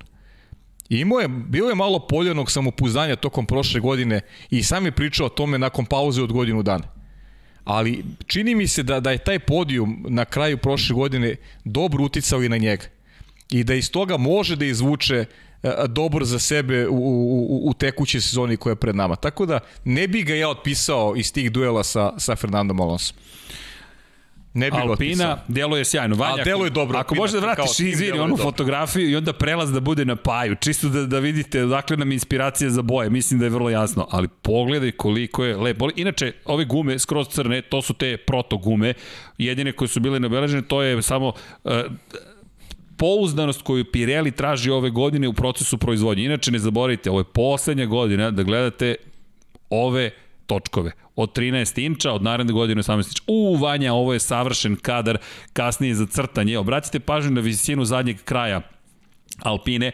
Iz ove perspektive ne možete da vidite koliko je glomazan taj gornji deo i interesantne kompromise. Napravio potpuno drugačije rešenja ove godine od tima do tima, a opet vremena imam osjećaj da će biti prilično bliska jedni drugim. I to je taj prelaz na plavu boju gospodina Pavla Živkovića. Tako je. Međutim, Alpina, ok, Alpina. Alpina s kim će se boriti? Deluje da će to biti taj direktan duel zapravo sa, opet sa McLarenom. Ali ako smo malo pre rekli McLaren protiv Ferrarija, da li to znači ćemo im imati Ferrari koji teži tome da dođe do Red Bulla i Mercedesa, još ga čeka nekoliko koraka, ali zato imamo crvene protiv naranđastih, protiv plavih. Pa ja mislim da će Ferrari biti u, u, u ravnopravnoj borbi sa Alpinom i sa McLarenom. Očekujem da, da, da to tako bude. To je pozicija A, broj 3. Tako je, ali, ali to opet ne podrazumevam kao neki veliki napredak. Jer Ferrari je, fe, Ferrari mora, mora da se bori za titul. I Red Bull. Mora bude s Mercedesom i Red Bull. Ali ta vrsta iskoreka čini mi se nije napravljena. E sad, naravno, traju pripremaju se za 2022. To je mnogo važnije svakako. U ostalom, evo ih i nove boje. Pričali, da, evo su i i nove boje. Moram priznati da sam očekivao malo više i u tom pogledu, ali ali dobro. Ali makar se priča o toj zelenoj boji. Priča se, da. Da, priča se dosta. Pa o Ferrari su uvijek priče, to je normalna stvar. Ne, ne, neizbežna večita tema. Međutim, Pavle, ko će se sada pridružiti toj ekipi? Po prošlogodišnjim rezultatima, moja boja bi trebalo da bude tu. Sebastian Vettel je stigao u Aston Martin, ostao je Lance Stroll, Lorenz Stroll pravi očigledno jednu ozbiljnu mašineriju, mada otpuštaju 200 radnika u Velikoj Britaniji, pregovaraju trenutno sa sindikatom, ne bili zadržali pogone aktivnim. Nove boje su tu, novi naziv je tu, brojni novi sponzori su tu, međutim, iako je broj 5 tu, Sebastian Vettel opet nema početak sezone kakav je nadao. Pričamo o tome da je to Mercedes B, generacije prošlogodišnji, i najzad ima pogon Mercedesa i rekao da je jasno koliko je Mercedes jači, ali opet nije imao pripremu kako bi želeo. Pa dobro, nije on kriv. Nije on kriv, znači, samo konstatujem. Menjač, pa onda turbo punjač, znači u, u tri dana on je dva, dva dana imao tehničke probleme, te, imao, imao kvarovi i to je nešto što je što nije, nije, nije do njega, ali... Gde to stavlja Aston Martin? E, gde? Gde ga stavlja? Ajde, kak, kako da ih lociramo? Ne znam. Iskreno, ne, pa po svojih testova pa, nemam pa, predstavu. Pa ne, isto, ne, ne, nemam predstavu, ne znam šta da kažem. To je tim koji je pobedio na toj stazi, nemojmo zaboraviti. Jest. I to je tim koji je tu osla zabeležio sada svoj najveći uspeh ikada, činjenica, spoljni krug, drugačije konfiguracije staze, ali mi govorimo o tome da zapravo mi ne znamo šta da očekamo od Aston Martina. Mi se ovde sa navijačima Fetela i Aston Martina, ali u suštini mi nemamo nikakve odgovore na, na, na, na to pitanje, zato što prosto to su, to su kvarovi, to su tehnički problemi koji su onemogućili Sebastina Fetela da odradi kompletan program. Ali to ne znači da za dve nedelje Sebastian Vettel opet neće biti dobar i neće uraditi posao. Čet, pričamo o četvorostokom e, šampionu. E, ali ovo su... On će izvući maksimum. I, I to je i srđina, zar to nije super? A jeste super, ma, ali zar to nije super. Ka, ka, idemo u pustinju da dobijemo odgovore na pitanje ko će biti najbolji. I jesmo dobili odgovore ne, neke. Pa znaš zašto je super što se testiralo u Bahrinu? Pa meni je super, baš, meni je super što nije bilo u Barceloni. A je to, je Zato što bi super? Majki mi, a na zašto? Zato što bismo znali više da je bilo u Barceloni. A, okay, više bismo okay, znali. razumem te. Više bismo znali, sada znamo manje. Dobro. I meni se sviđa što znamo manje, stvarno, zato što hoću za dve nedelje kad sednemo od ja u kabinu, da radimo prenos, da, da ne znamo ništa. okay. Da uživamo u tom neznanju i da naučimo, da vidimo šta nas čeka. Mislim, pretpostavljamo. Mi se bavimo sada prepostavkama na osnovu onog što gledamo svih ovih godina, jer već imamo neko iskustvo u, u, onome, u tome što gledamo. A ok, ti si otišao korak. Pa šta smo Bogdan i ja sedeli i pravili ove tabele i crtali? A dobro, ok, mislim, to je, to je zanimljivo za, za analizirati, za slušati, ali generalno je generalno prava Budimo stvar. realni. Budimo realni, Budimo da. realni, da. Naravno. Ok, A, ok, idemo dalje. Ono što se sad postao otvara kao veliko pitanje i možda jedan od džokera ove sezone, Alfa Tauri. Da. Alfa Tauri, Pierre Gasly je zabeležio pobedu prošle godine u Alfa Tauriju, Yuki Tsunoda je stigao, zamenio je vrlo dobrog, ne, ne Danija Kvijata prošle godine, prošle godine koji je imao dobru sezonu, ali Yuki Tsunoda dobio podršku. Konačno verujemo da je to bio taj ideal pregovor između Honda i Red Bulla. Honda koja odlučila da proda svoju intelektualnu svojinu i da omogući praktično podršku Red Bullu koja će dovesti do toga da sami proizvode motore koje će razvijeti do kraja 2021. i onda zamrzavanje razvoja od 2022. sa potpuno novim konfiguracijama bolida, ali po svemu sudeći deluje da je Honda uradila ozbiljan posao, prilično pouzdano, prilično brzo, moćno, sve to deluje dobro i Yuki koji, ja moram priznati da me oduševio, nekako Pierre Gasly malo je pao u senku, ali Pierre Gasly najviše krugova odvezao. Tako je. Da. Pierre Gasly najviše krugova, a Yuki Tsunoda pozicija broj 2. I sad, opet, da ponovim pitanje, gde to smešta Alfa Tauri? Moj utisak je da Alfa Romeo ne može da se poredi sa Alfa Taurijem. Slažem se. Da Haas nećemo ni pričati, pa ne. bit će vjerojatno najlošija ekipa Williams sezone. Su, su druga liga. I Williams koji, prema rečima George Russella, će imati jojo efekat. Malo ćemo biti dobri, malo ćemo biti loši. Za početak nek uzme neki poen. I to I, na pravi način. Tako je. Da da ekipa zaista dođe među vodećih 10 u nekoj trci. Međutim, Alfa Tauri, da li može da bude jedan od onih timova koji je stalno u borbi za ulazak među vodećih 10? Mislim da može da se bore za 10 i, i mogu da budu šesti u šampionatu sa tendencijom možda da se da se da povremeno čak dođe do neke pete pozicije Jasne. zavisnosti kako počne sezona, ali oni više nisu nikakvo iznenađenje i znamo čija su sestrinska ekipa, mnogo mi se dopada Yuki Tsunoda, pričali smo ti ja, imali smo sreću da radimo i, i Formulu 2 prošle godine, da se poznamo dobro s Yuki Tsunodom, tako da negde kapiram da je to da je to ovaj u suštini dobar izbor, iako sam A jel ti miljenih već sada Yuki Tsunoda? Nemo ti se gde miljenih publike postao Nije, nije, pa nije, iskreno nije. Znaš da sam ja jedno vreme i zagovarao taj stav, bilo mi žao prosto Danila Kvjata i ali, ali žao mi je što nema više tih pomaka iz Formule 2. Znaš šta me u stvari čini srećnim? Taj pogled na Formulu 3 i Formulu 2. A, I to je, to je meni najjači utisak u 2020. godini. Formula 3 i Formula 2. Ko je gledao redovno trke, verujem da, da, da vrlo dobro zna o čemu pričam. Ne treba se plašiti za budućnost Formule 1. Naći ćemo svi nekog ljubimca u tim momcima, jer ne pati kad je Formula 2 bila toliko kvalitetna kao prošle godine, a isto tako toliko dobrih, kvalitetnih vozača ima u Formulu 3 da je to neverovatno. I da će biti trend, da. da će biti trend uvođenja, a, a, brzog uvođenja tih mladih vozača na tu, na tu najveću scenu. Jer sada već znamo da postoje momci koji su spremni da naslede i Luisa Hamiltona, i Sebastina Fetela, i Fernanda Alonsa, i Kimija Raikkonena, I, I možda ovo zvuči malo i pregrubro prema tim šampionima, da se, da se neće mnogo osetiti uh, taj prelaz taj generacijski prelaz koji ćemo doživeti nužno za koju godinu, jer e, zaista ima mnogo, mnogo talentovnih vozača. Ja sam uživo prošle godine ove dve niže kategorije, čak su mi u dobre meri, meri bile i zabavnije i kvalitetnije za, za gledanje od, od same Formule 1. Alfa Tauri, Dobro, sa Cunodom koji je stigao upravo iz tih kategorija ne zaboravimo ove godine Formula 3, Formula 2, prati Formula 1, neće se preklapati Nesi, vikendi da. dvojke i trojke i imamo Formulu W, dakle dame će takođe imati podršku Formula 1, što verujem da je prilično velika stvar. Ok, kada smo kod Alfi, već smo negde napomenuli priču, ajmo Alfa Romeo da, da pokrijemo. Možemo Ajde. da se dotaknemo. Drugačije je u odnosu na Haas, zašto? Ekipa Haasa nije trošila tokene uopšte. Dakle, Tako. Haas je rekao, ne, mi nećemo ulagati u razvoj, mi imamo prošlogodišnji bolid, ulagat ćemo u sticanje iskustva za Mika Šumahira i Nikitu Mazepina. S druge strane, Alfa, iako se priča o tome da će možda biti prekinuto to sponzorstvo naredne godine Alfa Romeo sa Zauberom, je deluje napravila je jedan lepi iskorak napred. Deluje da i dalje nisu tamo gde treba da budu, ali kada pogledaš rezultate, pa i brzine maksimalne, što se opet naslanja na ono što je Mika Salo rekao, ajde ćemo videti snagu Alfa Rome. Miku Sala. Miko Sala ipak je, što, što reče Zoran Živko prošli put, čovjek je sudija, nešto tu ipak on zna kada, kada, i, kada i kaže i povuče da. posle, ali činjenica je da Alfa Romeo i zahvaljujući Kimi je bio impresivan to, na, to, tog poslednjih dana. Kimi koji je hladno krvio 166 krugova, pazi pale, tri trke odvezeš u jednom danu, manje, manje više. Mene sad zovu Mika Salom. da, zbog Miki, ličiš zbog na Miku, zbog Miki.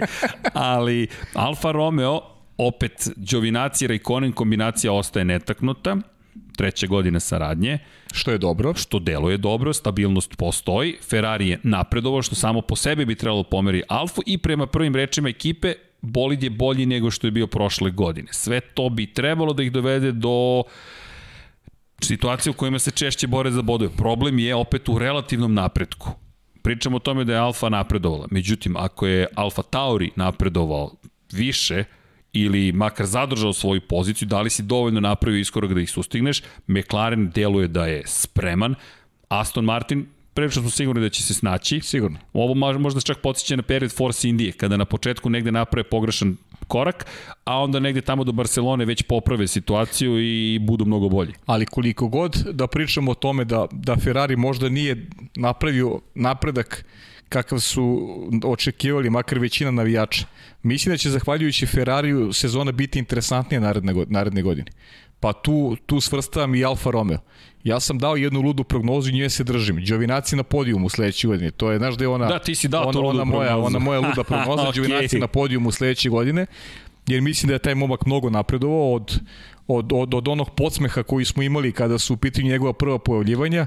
Mislim da smo svi da, zajedno došli do faze gde se jasno vidi e, njegov napredak i ono što mi se sviđa kod, kod Alfe u rukovađenju ekipom, ok, e, Ferrari je naš strateški partner, ali mi donosimo odluke i mi želimo Đovinaci dalje u ekipi. I lično onako podržavam taj taj izbor da da Đovinaci ostane. E, mislim da njega Kimi Rekonen vuče napred i da pravi pravi dobrog e, vozača Kimi, Kimi od njega, opet u neke motive Kimija Kojena, pogotovo sa starta sezone ne treba sumnjati. Mislim da će reper Alfa Romeo biti te, te uvodne trke.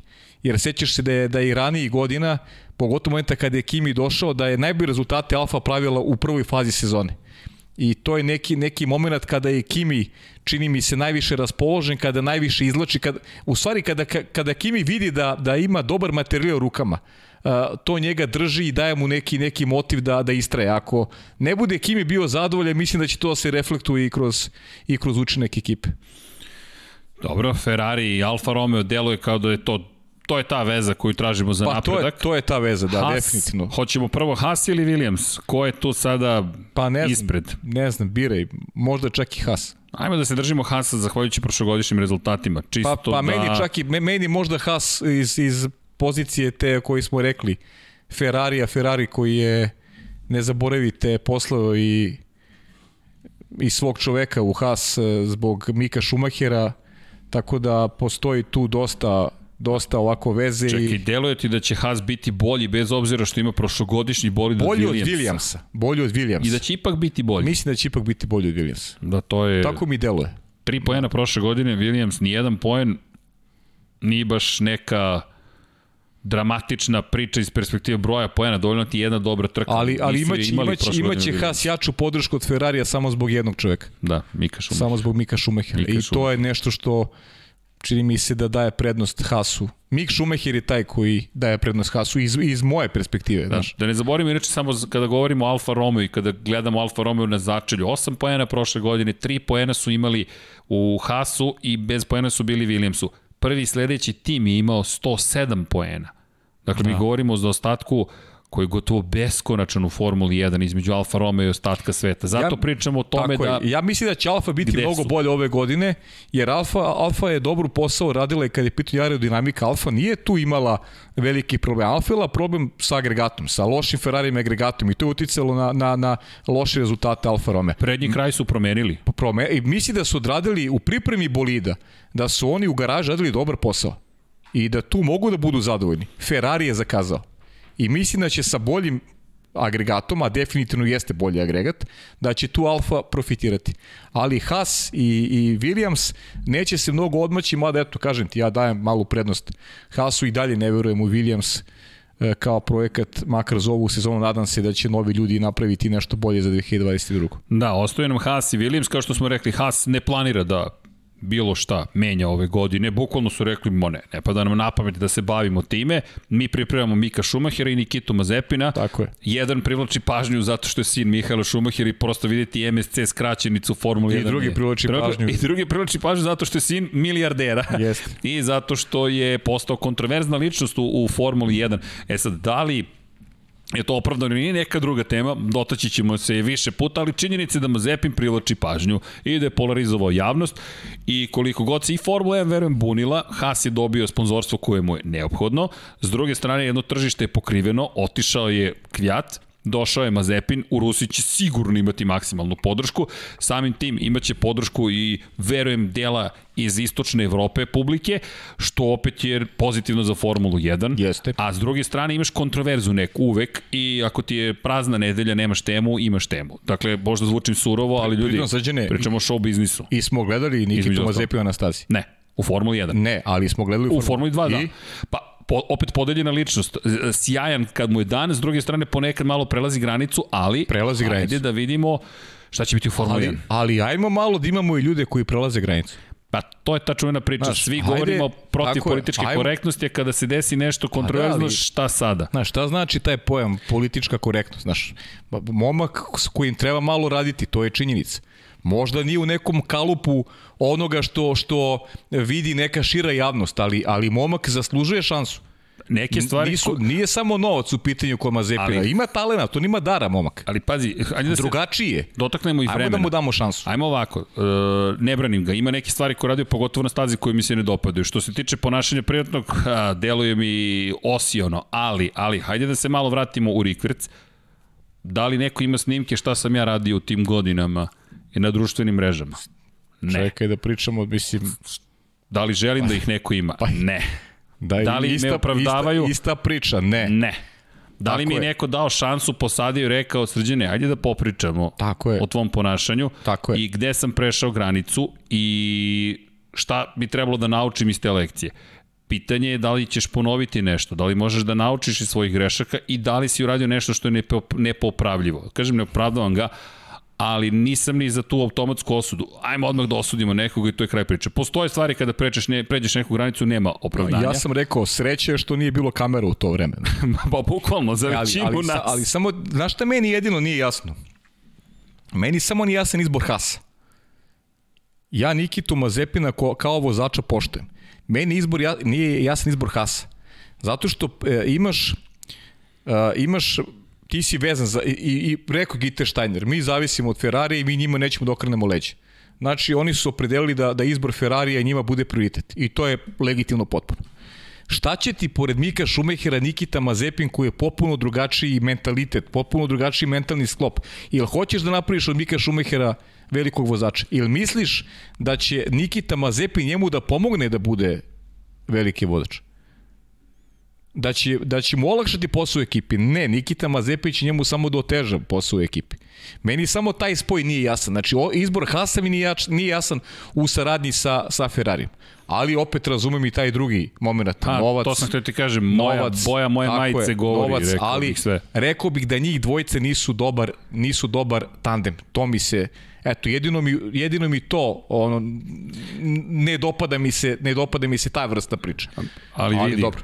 ali opet jedan i drugi privlače pažnju, a Hasu je pažnju, preko potrebno da privuče pažnju preko potrebno i mislim I da je to razlog okay. zašto je poslat u Haas zapravo. Negde imam utisak da je to Ferrarijeva podrška Ginu Haasu takođe. E, koje tržište koje tržište na, i dalje je jedno, ako ne i najznačajnije tržište za Ferrari. Amerika je i dalje kritična. Pa ne samo za Ferrari. Pa, za sve, manje za sve, više. Da. Ali, ok, Ferrari eto ima američku ekipu u sebe, sad imaju, dobio je jednu veliku zvezdu, dobio je nekoga komu donosi noci. Ginter Steiner rekao, je ljudi, pa evo i mi, mi se gledamo sponsor. u Meksiku, pa hoćemo da pa između ostalog, tako je. Da. I ostaje nam Williams. Williams posle ovih za testova. Kraj, za kao kraj. šlag. Pa da, Williams koji jedini testirao sa tri vozača, tako? Da, ne vero. A? Vanja, možemo da bacimo pogled. Mene zapravo boli glava. Zašto ni sani? Da, mene boli glava kad to pogledamo. Bog da ne bolela glava zbog, zbog simetrije u tabelama, ali ako možemo bacimo pogled na... Obratite se pažnju na dane. Prvoga dana Roy Nisani.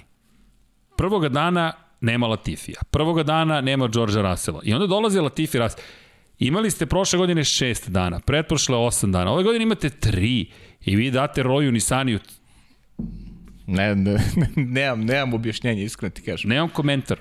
A potreban ti je svaki minut u tom bolidu. Poštujem Roja Nisani, razumemo da. i vezu, razumemo i novac koji će doneti to sponzorstvo. Ali imaš samo tri dana testiranja. Jeste. Meni je utisak da je William sveste, ne ljudi, ako osvojimo neki poen, meni je, meni je to najjač utisak kad sam spoznao da je Roy Nisani bio na stazi, nije mi bilo jasno. Ne, pazi, gledam i Roy Nisani. Ja mislim, znam zašto. Ok, opet, pa, majica sve dobro, govori. Pa mislim, ali, ali čekaj, imaš Sređene, samo test, tri testiranje. dana. Imaš težnje da budeš bolji u sezoni, a ti daješ daješ volan Roju Nisaniju koji, ne. koji ni u ovim nižim kategorijama, mislim... Nemam komentar. Sve je u redu, kapiram, teško je, teško, teška je situacija ekonomska, koronavirus utiče i tekako na, na, na život, na, na ekonomiju, ali preterano zaista od, od Williamsa i, i onda gledam naš u šta se pretvorila jedna tako velika ekipa kakva je Williams. Do duše nema više Franka Williamsa i Claire Williams, međutim ostalo je to nasleđe, to ime, verujem da će da ostane uvek da nas asocira na te lep. I mislim Nadam da je novim vlasnicima u interesu da se ekipa zove Williams i dalje, jer asocira na ta neka lepa vremena i motiviše, verujem da ih motiviše da, da budu bolji u neko dogledno vreme, ali eto, Rojni Sani meni već, već Rojni Sani mi, zašto sam ti rekao da mi je Haas ispred Williams? Da. Kada se vidio Rojni Sani, sve mi je bilo jasno. Eto. Da, nažalost, ali bukvalno je tako. Ok, bacit ćemo pogled malo i na tehnički kutak. Bilo je mnogo zanimljivih stvari. Otpadanje oplate s bolida Red Bulla, inovacije koje su doneli kada je reč o podiju, malo ćemo tu da crtamo. Ko nam je sponsor, pogotovo tehničkog kutka One Blade, ljudi, kliknite na link u opisu i otiđite da se upoznate malo sa Philipsom Van Blade, zašto to kažem? Pa recimo da ćete tamo naći odgovore na neka pitanja koje ćemo postaviti za nešto što, kako kažemo, nije Brijač, već je Van Blade. I pozdrav onima koji su kupili i tweetovali da su kupili zbog nas Philips Van Blade. Verujte, flagrantno smo to iskoristili i poslali klijentu i rekli, evo publika koliko je fenomenalna i fantastična, ljudi kupuju One Blade, tako da, nije Brijeć, već je One Blade Formula 1 i tako dalje i tako dalje. I šta smo rekli? One Blade, kad je već tehnički kutak, ja, ja moram meni, to je prosto jače me. Q52520 kroz 30, mislim da ću skoro naučiti na pamet. Zamenjive oštrice koje traju do 4 meseca, vodootporna drška za mokru ili suvu upotrebu, 3 češlje za trimanje 1, 3 ili 5 i više milimetara kod mog dragog kolege, drugotrne batere, 45 minuta korišćenja i u pakovanju Kako na se nalazi dodatna oštrica. Tako je baš. Osim ona verzija kroz 20. I, a, a očekaj, ćemo, kada ćemo pitanje za... Na kraju. A, na kraju. Ali slušajte, trimuje menjuje, oblikuje, znači, za, brije. Za 6 sati, ja? ba, tako smo krenuli. I ima zamenjive oštrice, nemojte zaboraviti. I jedinstvenu One Blade tehnologiju. I kada pričamo o tehnologiji, Vanja, hoćemo mi na naš tehnički kutak. Ovo je, obratite pažnju, sad, jel mogu da crtam, Vanja? Mogu da crtam. O, čekajte, gde, gde mi je sada taster? Samo da nađem, da vidim gde sam u celoj ovoj priči. Da li se vidim negde? Nadam se da... Čini mi se da ne crtam. Ajde da... I meni se čini da... I meni se čini. Evo ga, crvena tačkica je stigla. Ček da vidim. Opa, e može Ctrl Z, undo, ostavio sam crvenu tačkicu. Obratite pažnju, čekaj pa dok se naviknem. O, evo ga. Bravo. Uvodimo neke nove stvari. Ove ovde delove, obratite pažnju na ove delove. E, ovo nisam znao, ali Ove delove. Ali vam vera za ovo. Ovo je sve skraćeno. Dakle, sve skraćeno, možemo undo jedan vanja i to ne sme da bude duže dakle, od 50 mm. Međutim, gde je McLaren bio i tekako zabavan i zanimljiv? Vidite ovaj deo ovde i sada ova ovde linija. Kada govorimo o ovim linijama, šta su uradili? Zapravo su produžili zadnji kraj difuzora, i produžili pod praktično u gornji kraj. Šta su našli? kao, možemo reći, rupu u pravilniku. Pa našli su e, zapravo član koji im dozvoljava da nastave taj deo poda, tako da zapravo dobijete mnogo duži, kao što možete vidjeti, taj bočni deo, nego što je sa strane, nadam se da mogu da, da ovde, obratite pažnju, ovde je kraj, ovde je kraj, ovde je kraj. I to je nešto što su krili na početku, ovde možete vidjeti kako je sve to skraćeno, obratite pažnju koliko je ovo ovde dublje. Delo je kao sitnica, verujte, ovo ovde je velika, velika, velika, velika stvar koju je McLaren uradio. Vanja, izvini, može Ctrl Z, Ctrl Z, Ctrl Z i tako dalje. I stoga vodite računa o zadnjem kraju bolida, mislim da imamo još jednu crvenu tačkicu da znaš, McLarena M 35M, ta oznaka je zahvaljujući činjenici da je Mercedesov motor u upotrebi ove sezone. Velika, velika zaista stvar, kažem, nije na nivou dvostrukog difuzora, ali kada pričamo o napređenjima koje je McLaren pripremio, deluje kao da je to onaj stari McLaren koji će izaći iz zone komfora i reći, ljudi, mi smo McLaren Racing Team, mi smo Formula 1, mi smo onaj tim koji čeka prvu pobedu 2012. ali koja bi mogla u skorije vreme zaista i da se desi. Iako smo mi dalje skeptični, međutim, kada pogledate, McLaren je više nego raspoložen za, za neka inovativna rešenja. No, idemo dalje. Vanja, možeš da nam daš slike iz foldera, ja mislim da je Rake, da se tako zove folder, i tamo ima nekih zanimljivih fotografija, sad ćemo da vam crtamo opet, malo dok se priviknemo. Ovo smo crtali 99 yardi. Pozivam sve ljubitelje američkog futbola da isprati 99 yardi. E, ljudi, meni je, meni je lako u ovom podcastu, imam njuje, imam njuje ovde u podcastu, tako da još. sam miran. Ali... Tako da sam miran. Samo se plašim, ljudi, nemojte da mi ga ukradete Ne dam ga, pojete mazde neki neću, Red. Neću, neću. E, čekaj, ovo je fora koju su muku iz 99. Skinću posle da radim. Ne, Vanja mi je sklonio olovku, ne mogu ti crtam brkove. To smo radili na 99 yardi, lepo smo se zabavili. Tako, a? Da. Vidimo da ćemo se zabavljamo kad budemo pravili taj spektakl. Šta ti je, pa sve smo pripremili. Znaš kad bude onaka kontroverzna situacija na startu, ko je gde usmerio točkove? Samo da znaš da sam obezbedio dve gošće za tu, za tu veliku... Stvarno? Da, imamo dve gošće okay. koje, da, Ok, bit ćemo spremni. Pristale su, pristale su već da dođu, tako da uradio sam to na svoju ruku, okay. bez, bez tvog znanja. Hvala. Vanja, šta nam Dobre. daješ sledeću tehničku kutku? Alpinu, da crtamo po Alpini ili nam daješ slike iz Rejk, o Rejku, da pričamo o tome, jer to je jedna od važnih stvari koje smo naučili zapravo u tokom ovih testova. Obratite pažnju na ovaj deo. E, hvala Vanja. Obratite pažnju na ovaj ovde deo. E, ovaj ovde deo. Sve ovo što vidite praktično ovde, i zapravo pre svega ovaj ovde, ovo ovde visina o kojoj pričamo. Sve sam u jednom, tako da je jedan Ctrl Z zapravo u pitanju. Može undo, molim te. Hvala. Dakle, vodite računa o ovom ovde razmaku, pre svega. Ako obratite pažnju, prednji kraj, dakle, je spušten praktično, zadnji kraj bolida prilično podignut. Inače, ovo su senzori koji se koriste zapravo da bi vidjeli dalje CFD, to je Computational Fluid Dynamics, bio adekvatan ili ne i dalje je aerotunel odradio posao kako treba. Obratite pažnju na još jedan detalj koji se pojavljuje kod velikog broja bolida, a to je ovaj ovde deo, izmenjeni pod. I kod Mercedesa ćete vidjeti zapravo lazanja pod, tako su ga nazvali kako izgleda, i vodite računa kod Alpine o ovom ovde kraju. Ovo ovde se ugojilo i to prilično. Možemo anduvanja, molim te. Dakle, za one koji slušaju ovo kasnije u podcastima, morat ćete da bacite pogled, ne znam tačno koji je minut u ovom trenutku, ali bukvalno ovo je nešto što bi trebalo ipak da, da pogledate. Inače, kada govorimo već o ovom ovde kraju i neki, o tome da je postao... Neki 65. i 6. recimo. Cool. Da je ovo deblje, ovo ovde je zapravo zato mršavije.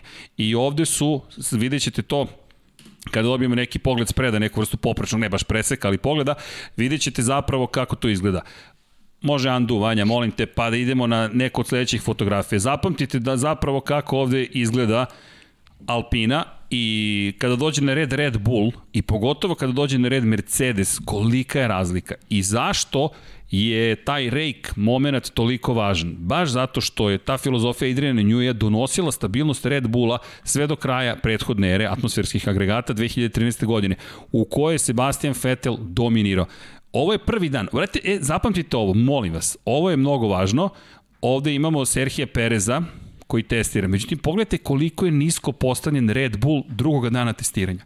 Trećeg dana vidjet ćete da je podignut u stratosferu praktično može Andu Vanja, možemo i na sledeći kadar kada je reč o, o, o, samom, o samim rejkovima. Ovde malo dok se iskombinujemo, ovde se malo igramo green screen, a pa Vanja u pozadini zapravo ima jednu zelenu površinu preko koje mi crtamo, pa vi to vidite kao magiju.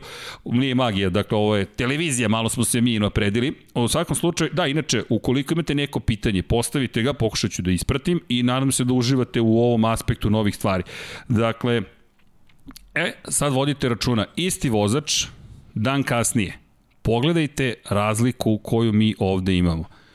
Dakle, podignut je zadnji kraj, ozbiljno je podignut zadnji kraj i to izgleda da je pomoglo. Pored toga, obratite pažnju na kompleksnost ovih ovde delova na bokovima poda, kao i ovde. Ovde je Red Bull, puno radio na tome, vidjet ćemo iz nekih drugih kadrova zapravo šta pokušavaju timovi da, da, da postignu. Pokušavaju obstrojavanje vazduha da sprovedu na spoljne ivice zapravo guma, pogotovo taj zadnji kraj je toliko važan jer gubitak od 10% prijanja je ogromna razlika. I Red Bull je rekao da zapravo da će do početka prve trke sve biti vraćeno na staro. Kompleksnost ovih podova koje su sakrivali je jedna od tih lepih stvari koje smo čekali. Idemo dalje. Inače, kada govorimo o tome E sad da odgovorim šta, do, šta doprinosi podizanje zadnjih delog poda. Pa to je sada interakcija zapravo igra između delova bolida. Kada govorimo o tom zadnjem kraju, u suštini, kod Adriana Newija, ta rejk filozofija vuče zapravo iz tih perioda, tog perioda 2011. 12. 13. Mi čak 2012. smo imali takozvani hladno produvani difuzor, kada budemo dobili neku od sledećih fotografija, to ćemo isto da nacrtamo. E, u to vreme zapravo izduv, e, ovo je super kadar za nešto drugo. Vodite računa o nekoliko stvari ovde. Obratite pažnju na ovaj ovde kraj. Kao što možete videti, vrlo kompleksan sistem koji bi trebalo da sprovodi vazduh kao vamo, kao vamo, kao vamo. Ovi ovde delovi treba da sprovedu vazduh ovamo, treba da sprovedu vazduh ovamo. Imate još jednu stvar, ovde će se stvarati vrtloženje vazduha, opet da sprovedu na ovu stranu. Ovaj ovde deo, bi trebalo da sprovede bolje zapravo vazduh između tih delova u kojima imamo promenu na zadnjem delu kočnica. Ovde inače je Red Bull pomerio zadnje oslanjanje, a ruku je obrnuo i prema pišenju Gary Andersona, inače stručnog konsultanta therace.com, ispratite the povlaka su promenili nešto što je Mercedes prošle godine učinio i njima se čini da je A ruka sada tako posljednja, da je sve gurnuto unazad. Vidjet ćemo kasnije kada budemo dobili crtež Ferrarija, možemo ovo i da brišemo. Dakle, kada govorimo o, o tom nasledđu Adriana Njuija, stvari možemo da ostavimo na ovom kadru, samo kad sve pobrišeš, Vanja, ako mo... E, super. Obratite pažnju na nekoliko stvari. Ovde imamo, ovo je auspuh, dakle ovo je izduvni sistem. Ovde izlazi jednostavno periskopski izduvni sistem. Mi smo u tom periodu produvanog difuzora imali zapravo izduvne grane koje su bile postavljene bočno ovde. I cilj je bio zapravo dve stvari da postavite, da, da usmerite vazduh ka zadnjem krilu i da produvate difuzor, da spustite dodatnu količinu zapravo gasova dole. Šta znači hladno produvani difuzor? Događalo se da, e, da je Renault prvi to smislio i kada biste pustili gas, motor zapravo je i dalje palio svećice i izduvavao, to jest gasovi su dalje izbijali kroz izduvni sistem. Što, čime su postigli zapravo da konstantno dobijate priliv novih gasova na zadnji difuzor. I to je bilo potpuno ludilo. E sad pitanje, gde nabavljamo ove slike? Pa nabavljamo ih od timova, e, od Pirelija, od e, svake ekipe po na osob, Tako da smo, mi smo zvanično registrovani mediji i to isto možete da, da, da, da učinite. Inače, da odgovorim na pitanje, što se tiče DASA, DASA neće biti ove godine. Samim tim, Mercedes je izgubio jednu od prednosti kada je reč o smanjenoj potrošnji pneumatika. E sad, ono što takođe treba uzeti u obzir u ova prethodna tri dana, u ovde nam se nešto desilo, jeste sledeća stvar, a to je zapravo da imamo loše vremenske uslove tri dana za redom, koliko god da su prvog dana bili katastrofalni. Ne znam da vanja imamo neku fotografiju oluje, ali ljudi, haos je bio potpun u Bahreinu potpun haos u Bahreinu. Nije se sta... Obratite pažnju, ovo je Lewis Hamilton, negde ga tu naziremo. Inače, u, Vanja, možemo da ostanemo ovde. Dakle, čisto da iskoristimo pa to je, kadar. To je, to je razlog više zašto govorimo o tome da, da treba uzeti onako sa velikim, onako, sa velikom ogradom sve ono što se dešavalo tokom predsezonskih testiranja. Pogotovo prvog dana su vremenski uslovi bili katastrofalni. I to onda nije baš reper onoga što nije jasan reper, ali kažem ti srđane, analiziramo sve lepo, ali ja se radujem što mi u stvari ne znamo šta da očekujemo. Mi, mi ne znamo. Pa, mi nemamo pravi informacije. Još jedna stvar koju nedostaje. Evo ovde gledamo Mercedes. Mercedes koji W12 rekao da neće da saopšti gde su potrošili te takozvane tokene, to je žetone za razvoj. Za McLaren znamo dolazak novog pogonske jedinice, novog menjača, to je promjena menjača, zahvaljujući tome što imate pogonske. Obratite pažnju na ovo. E sad, možemo Vanja da, mo, jel smem da crtam po ovom kadru ili ne? Ne, ne mogu po ovome, dobro. Ali obratite pažnju na gume, Obra, to je ono što sam malo pre htio da kažem. Vremenski uslovi su bili zahtevni i kada govorimo o vremenskim uslovima, po posle ovakve oluje, teško je voziti i testirati gume na adekvatan način. I tu će biti velikih nedumica. Pirelli za, je spreman za ovu trku, apsolutno, i mi smo unapred već znali šta će Pirelli da donese na stazu. Međutim, test i dalje morate da obavite s novim bolidima. Vi dalje morate se spremiti na prikladan način. Kada govorim inače o Pirelliju, saopštio je Pirelli pred početak sezone zapravo sve koje gume će koristiti i mi već znamo za Bahrein da će imati C3, C4, C5 spremne za korišćenje. Da. Samim tim, timovi su mogli da, da iskoriste ovu priliku na možda još bolji način. Ali pitanje je šta su sve radili. Tako da petak, ljudi, petak naredno Tako je. će biti mnogo, mnogo, Sva, mnogo, svaki mnogo pet, važan. Svaki petak izuzetno. Evo, Vanja, daj dozvolu za crtanje. Jel smemo da crtamo? Obratite pažnju, blokirani prednji levi točak. Vodite račun o ome. Evo ga taj lazanja moment. Zašto se zove lazanja? Pa takvog je oblika. Inače, dosta testova je obavljeno tokom, o, tokom ova tri dana kada je reč o različitim podovima i Mercedes je to bio veoma, veoma aktivan. Obratite pažnju takođe na taj nos koji je inspirisao prošle godine Racing Point, inspirisao i Aston Martin i mi smo dobili, zašto govorimo da su to sve kopije Mercedesa, pa ovaj nos zapamtite na nekim drugim kadrovima. Inače, vodite računa o ovom ovde delu, ovo je nešto što je Ferrari kopi... Oh, malo sam otišao Luisa Hamiltona. Ovo je ovde deo. Vodite računa takođe o ovom delu iz perspektive Alpine. Ako možemo da se vratimo nazad na da bacimo pogled i na Alpinu, to bi bilo super. Zašto? Mislim da sam upropastio tablu, to jest da ne može da se više sklone crveni krugovi, ali dobro, Vanja, računam na tvoju, po, Vanja. Dakle, na tvoju pomoć, Alpinu treba da vidimo. Ne znamo da je Red Bull potrošio tokene takođe. Williams je prošle godine potrošio, već prošle godine potrošio tokene, ta dva tokena. McLaren znamo, znamo da je Alfa Romeo menjao zapravo prednji kraj i to su i rekli. Mi menjamo prednji kraj, to smo jasno videli. Da li će doneti rezultat rezultate, držimo palčeve, šta, šta će biti veće ili preče ne znamo da li taj pogon Ferrarija ili ne. Ali volao bih da bacimo pogled na Alpinu. Mislim da je mnogo važno da bacimo pogled na Alpinu jer je drugačije. Ok, par stvari ovde. El možemo iz Alpina i mislim da ima u folderu tehnički kutak Alpina s prednji, prednji kraj. Zašto? Zato što ćete tu videti koliko drugačije Alpina izgleda odnosno na sve ostale bolide. To je nešto što, moram predstaviti da me oduševilo. Zašto? Pa najzad malo mašte kod dizajnera Formule 1. Manje više počeli su da liče jaje jajetu i posle ćemo da bacimo pogled na Mercedes ovako sa boka, da vidite koliko je Mercedes spušten zapravo, a mada se priča o tome da će preći zapravo ka tom visokom rejku. E sad da odgovorim na to pitanje šta donosi. Da bi vam, e, vodite računa prvo o ovom kadru, posle ćemo preći na drugi kadar u Alpini, Obratite pažnju na ovaj deo ovde. Ovo se ne vidi lepo, ali ovo je mnogo debelo. Šta su ovde stavili?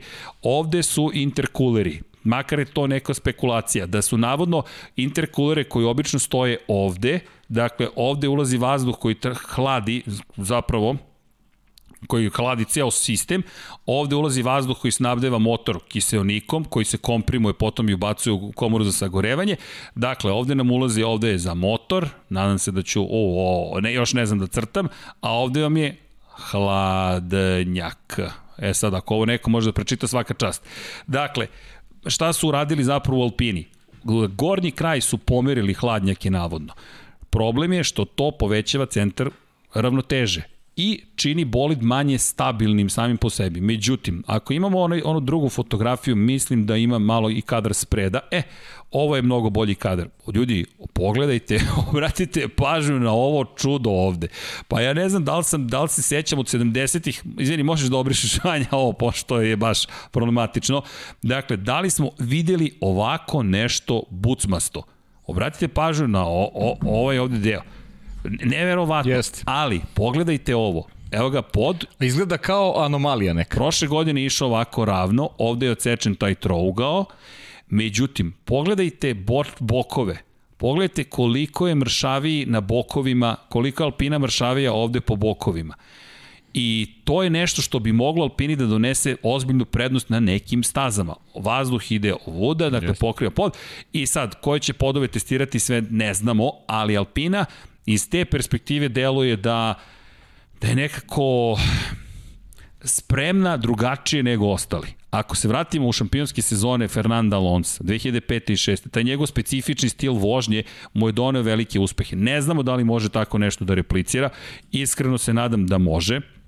Bilo bi lepo da tako nešto vidimo, prosto da nam bude zabavno. Znam, ja sam prvi bio skeptičan kada je reč o portku Fernanda Alonso. Zašto sam promenio mišljenje?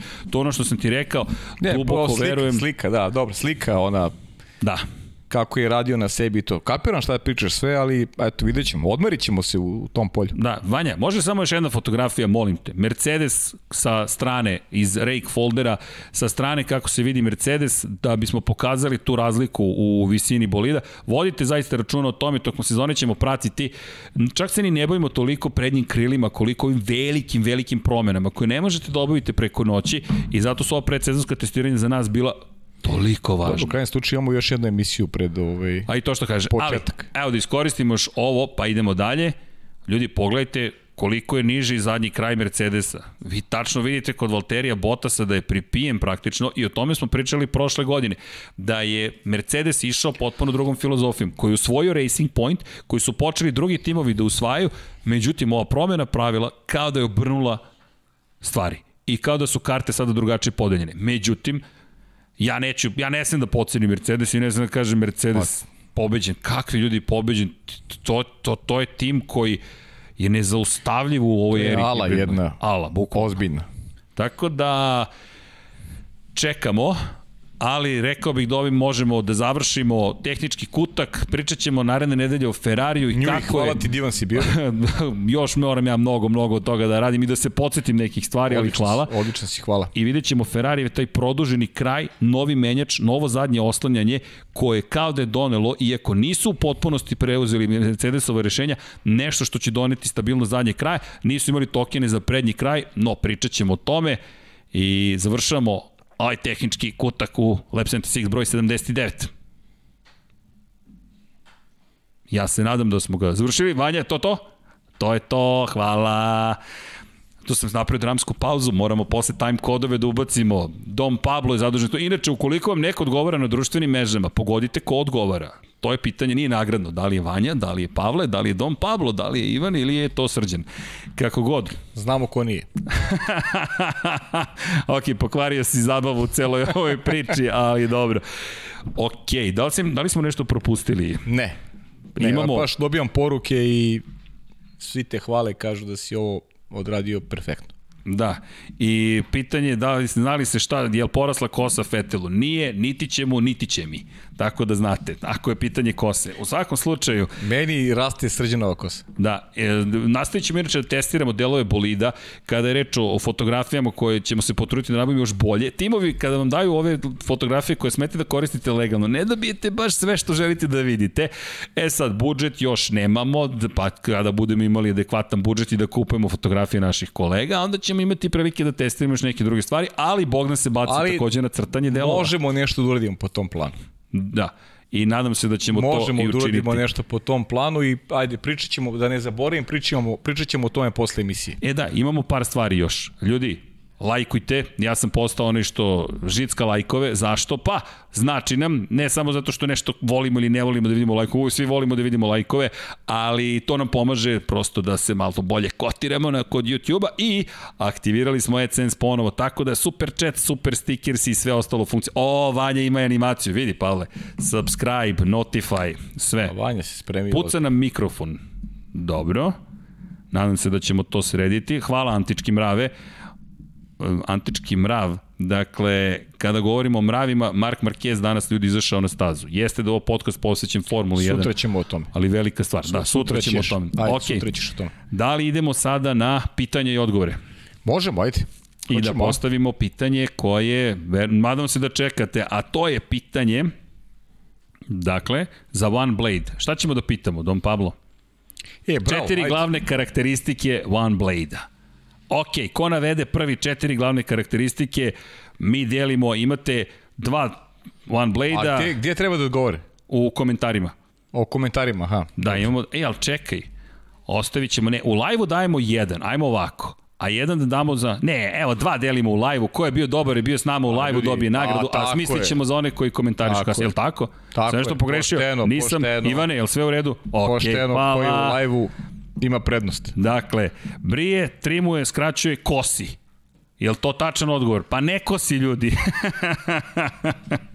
nije još kosilica, ali dobro, nije, nije daleko. Dakle, imate, ako mogu da vam pogledam, karakteristike, četiri karakteristike, imate sve u linku, tu se malo igramo, ali umeđu vremenu dajte pitanje za Formulu 1 dok ne odgovorite. Šta kažu nemojte, da, ne, nemojte te glagole da pratite. Piše karakteristike na stranici. Piše, pomažem vam. Dakle, pa evo, pomažem, pa ko prvi sazna. Ko ostavi, ko, u, čekajte, ko je... Oštar, lep, učinkovit, jedinstven, čekajte. Flexi prati konture, bravo, Sirius S. Opa, Sirius S dobija... Dobro, to je broj 1. Dobro, to je broj 1. Brije, u, čekaj, sad, ovo će morati da Imamo jednog pobednika, a drugog će pobednika morati da isprati ekipa, ja ne mogu da je... Da, evo Mihajlo postavlja ozbiljno pitanje, da li će Formula 1 biti sporije 2022. godine? U, Ozbiljno pitanje. To je sada teško pitanje. Znate šta? Moguće, moguće.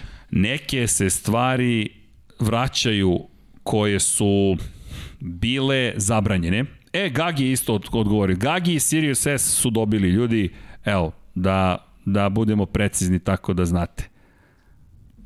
I danas e-sport, e da, postoje Balkan lige za e-sports. Sad sam zaboravio linkove, ali postavit ćemo linkove da ispromovišemo Balkanske pa, lige. Prič, prič, imamo još jednu stvar. Prisili, imamo još jednu stvar, da.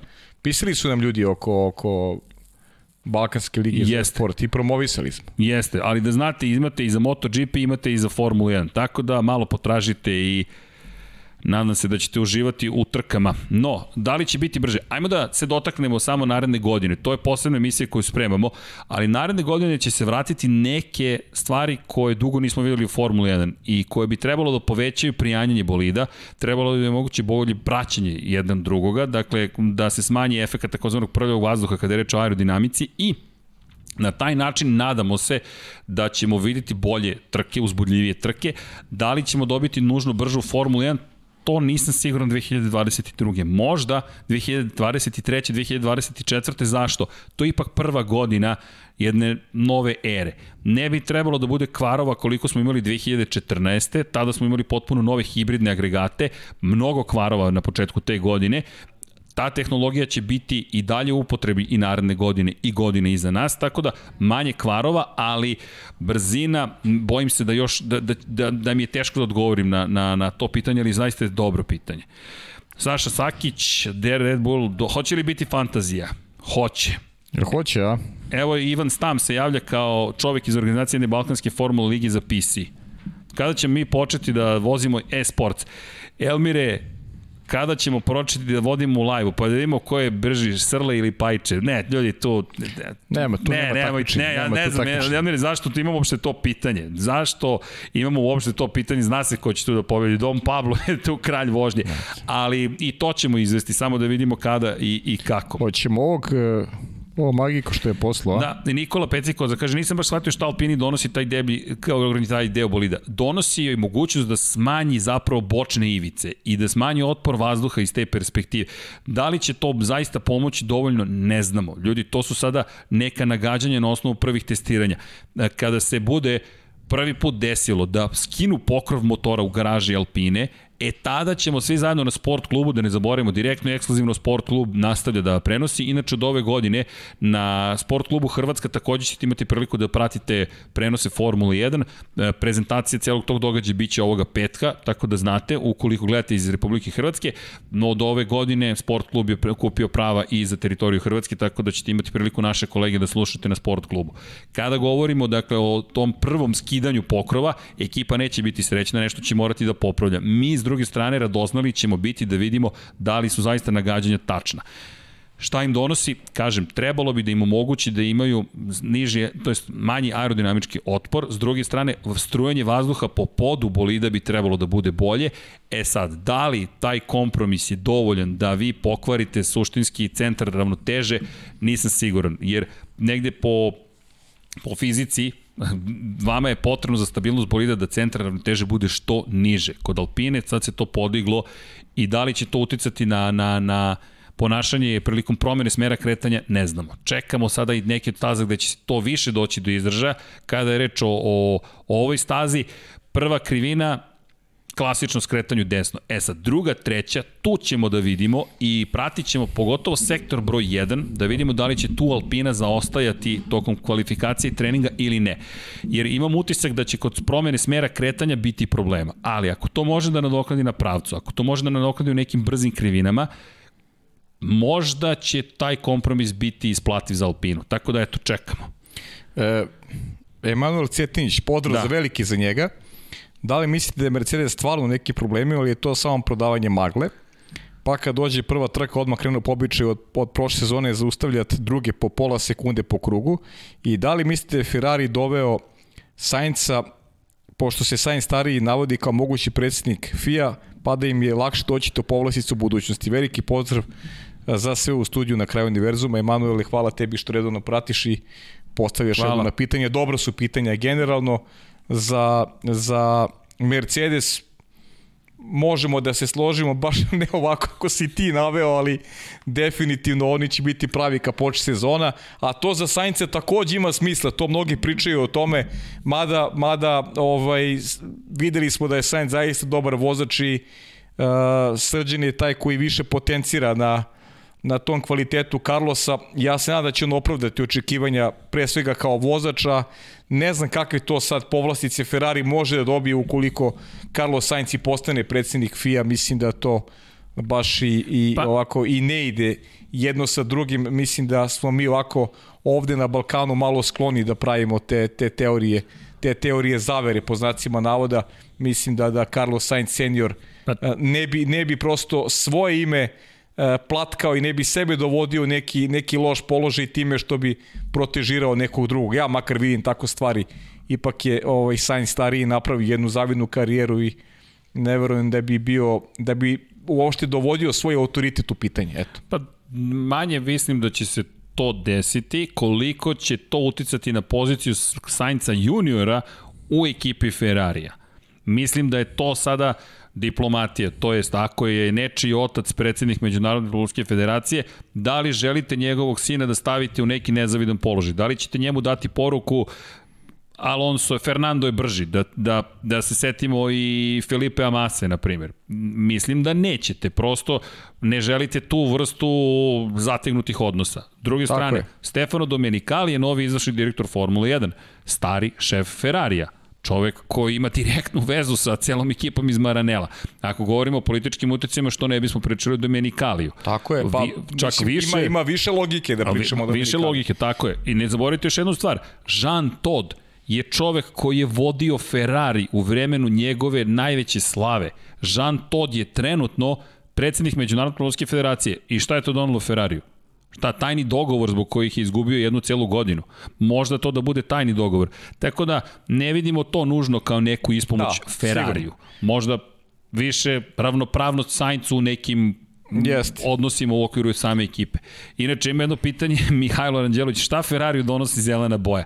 Marketing. Marketing, jest. Marketing, svi pričamo o tome, o tome da je zeleni mission winnow, nikad više spominjanja, PR, savršen, kogod je to smislio, završio je svoj deo posla, imate italijansku trobojku, koja se nikako ne uklapa na onaj način, u onaj bolid, imate tamnu onu pozadinu, zadnji kraj bolida, ali svi pričamo o njemu. Prosto svi pričamo. Dejan Janić, pa jo, pozdrav za tebe, Srke, ekipu, Smilo Fighter, znaš, znaš da. ko se javlja. A, on će da bude protiv naše ideje da je Alonso uspešan Kaže, 100%. Sećaš se šta sam rekao za McLaren. Da li se slažemo da ti završiti na trećem mestu? Iako ne znamo mnogo, ali obećavaju. I ako može vaša nagađanja, prvi, drugi, treći, tako dalje, hajmo malo igranja za timove mesta mislim. Dejan, ajde, hoćemo, mada je Dejan, u principu Dejan i ja se negde slažemo za, za Alonso, ja da. nisam ovaj zagovornik teze da će Alonso imati dobru epizodu McLaren. Hoćeš da se igramo, ajde, lepo, lepa igra, ajde, što kaže Dejan. Prvo, drugo, treće mesto za timove. Za timove? Da. Pa hajde. Hoćeš da se igramo onako realno ili da ili da realno, da malo realno, damo maštine volje? Pa može, pa ajmo, vidi. Pa ja ću, ja ću ovako reći, ja ću reći... E, e, Hoćemo pojesti svoje reči. Mercedes, mer, e, Mercedes, Red Bull i bez obzira što sam rekao da ne vidim takav napredak, misli će Ferrari na kraju ipak biti treći. Opa, dobro. Mada moram ti da ja da razmišljam o tome, ali posle ovih testiranja Mislim da ću pojesti svoje reči o McLarenu. Da ću obući onu majicu ponovo od prošle nedelje. Ok, dobro. Dakle, Mercedes, Red Bull, McLaren. Dobro. E Eto. sad, pazi ovo. Imamo, imamo pitanje, žao mi što ne možeš vidi, Mila nam piše. Da. Pogledaj, uslikao se. Haha, sjajno u majici. Uslikao se u majici Ferrarija e, crvene, one koje smo nosili prošle nedelje. Hvala puno na pozdravima, Milane. Pohvali, hvali emisiju i kaže, vidite li ove sezone Alonsa na podijumu i da li mislite da Alfa Tauri može da uđe u borbu za treći, četvrto mesto zajedno sa McLarenom, Ferrariom i Alpinom i naravno pozdravlja nas Milan, hvala, hvala i hvala. mi pozdravljamo tebe Milane. Odakle ćemo? Pa kako želiš, ajde možeš ti prvi, pošto sam ja iščito pitanje. Šta ćemo, ćemo Alfa Tauri prvo ili... Ajde Alfa Tauri prvo, da, Alfa da li može Alfa Tauri u borbu za treći, četvrto mesto zajedno sa McLaren ne. Ferrari? Ne. Slažem se. Ne vidim to. Mislim da će Alfa Tauri biti tim koji će povremeno osvajati veliki broj poena, ali da konstantnost da kroz 23 staze neće biti tu. Ja sam rekao šesto mesto, neko možda povremeno tokom sezone se nađu nekad peti, ali ali na kraju neko šesto mesto vidim kao za... za ali pazi, i, i to je zanimljivo. Kako Ako ne? ređemo vodeću trojicu, ajmo ovako, idemo velika trojka. Dakle, bez obzira šta sam ja tipovao, Jeste, da. Mercedes, da. Red Bull, Ferrari, to je velika trojka. To je velika trojka uvek, da. Zatim, dolaze McLaren, Alpina i Aston Martin. Aston Martin, tako je. I sada, to je već šesta pozicija. Tako je. Alfa Tauri bi, dakle, morao da se bori protiv Alfa, protiv koga? Protiv Aston Martina, protiv McLarena ili protiv ili Alpine. Alpine. Da. To će već biti napeto Biće i onda napeto, dolazi ostatak sveta. Da, ali mislim da može da bude to neko šesto mesto. Mo, ok, ja Alfa Tauri samo ne vidim tako visoko. Šta okay. je drugo pitanje, izvini, bilo? Sad ću da pogledam, sad ću da, da vidim, da, da, da Godine ne omanem. su stigle. Pa dobro, da. Uh, da e da, Alonso, da li može do podijuma? Šta mislim da li može do podijuma Alonso ove godine? Može. Sad već verujem da može. I to, i to. Naravno, još ne znamo, ljudi, i da, hajde ovako, dok ne dođemo u Barcelonu, suštinski nećemo znati celu godinu. I još jedna stvar, dok ne dođe Q3 deo kvalifikacija za veliku nagradu Bahreina, mi nećemo znati koliko je brz Mercedes. Mi zapravo nećemo znati koliko je brz Mercedes. Suštinski mi nećemo imati pojma da li Mercedes je sakrio svoju brzinu ili nije. Ja se iskreno nadam da ćemo znati već u Q1, ali mislim da pre Q2 ne moramo da razmišljamo o tome. Da. E, ima još ovde pitanja, nego Magiho me podsjeća na ono što treba da... da... E da, izvini, mogu ja nešto e, da uradim? može, bravo. Mogu ja nešto da uradim, ja se izvinjam. Ljudi, E, mi konstantno pričamo da nemamo reči, ali mi dalje ostajemo konstantno bez teksta i o, obožavanje prema vama je apsolutno. Zašto? Dobili smo poklon, ja sad više ne znam koga da spomenem, koga ne. Smijem da spomenem Aleksu. Aleksa. Aleksa Vučaj. Ljudi, hvala za sve što radite, mali znak pažnje za studiju na kraju univerzuma. Ljudi, ovo je čaša sa staze Barcelona, Katalunja. I ovo je dirljivo je zaista. Formula 1 je tu, tu je motociklizam i nama je srce puno, ako se vi zabavljate koliko se mi zabavljamo, mi smo sebi rekli mi ćemo da se zabavljamo, da pričamo o Formula 1 i Moto Grand Prix.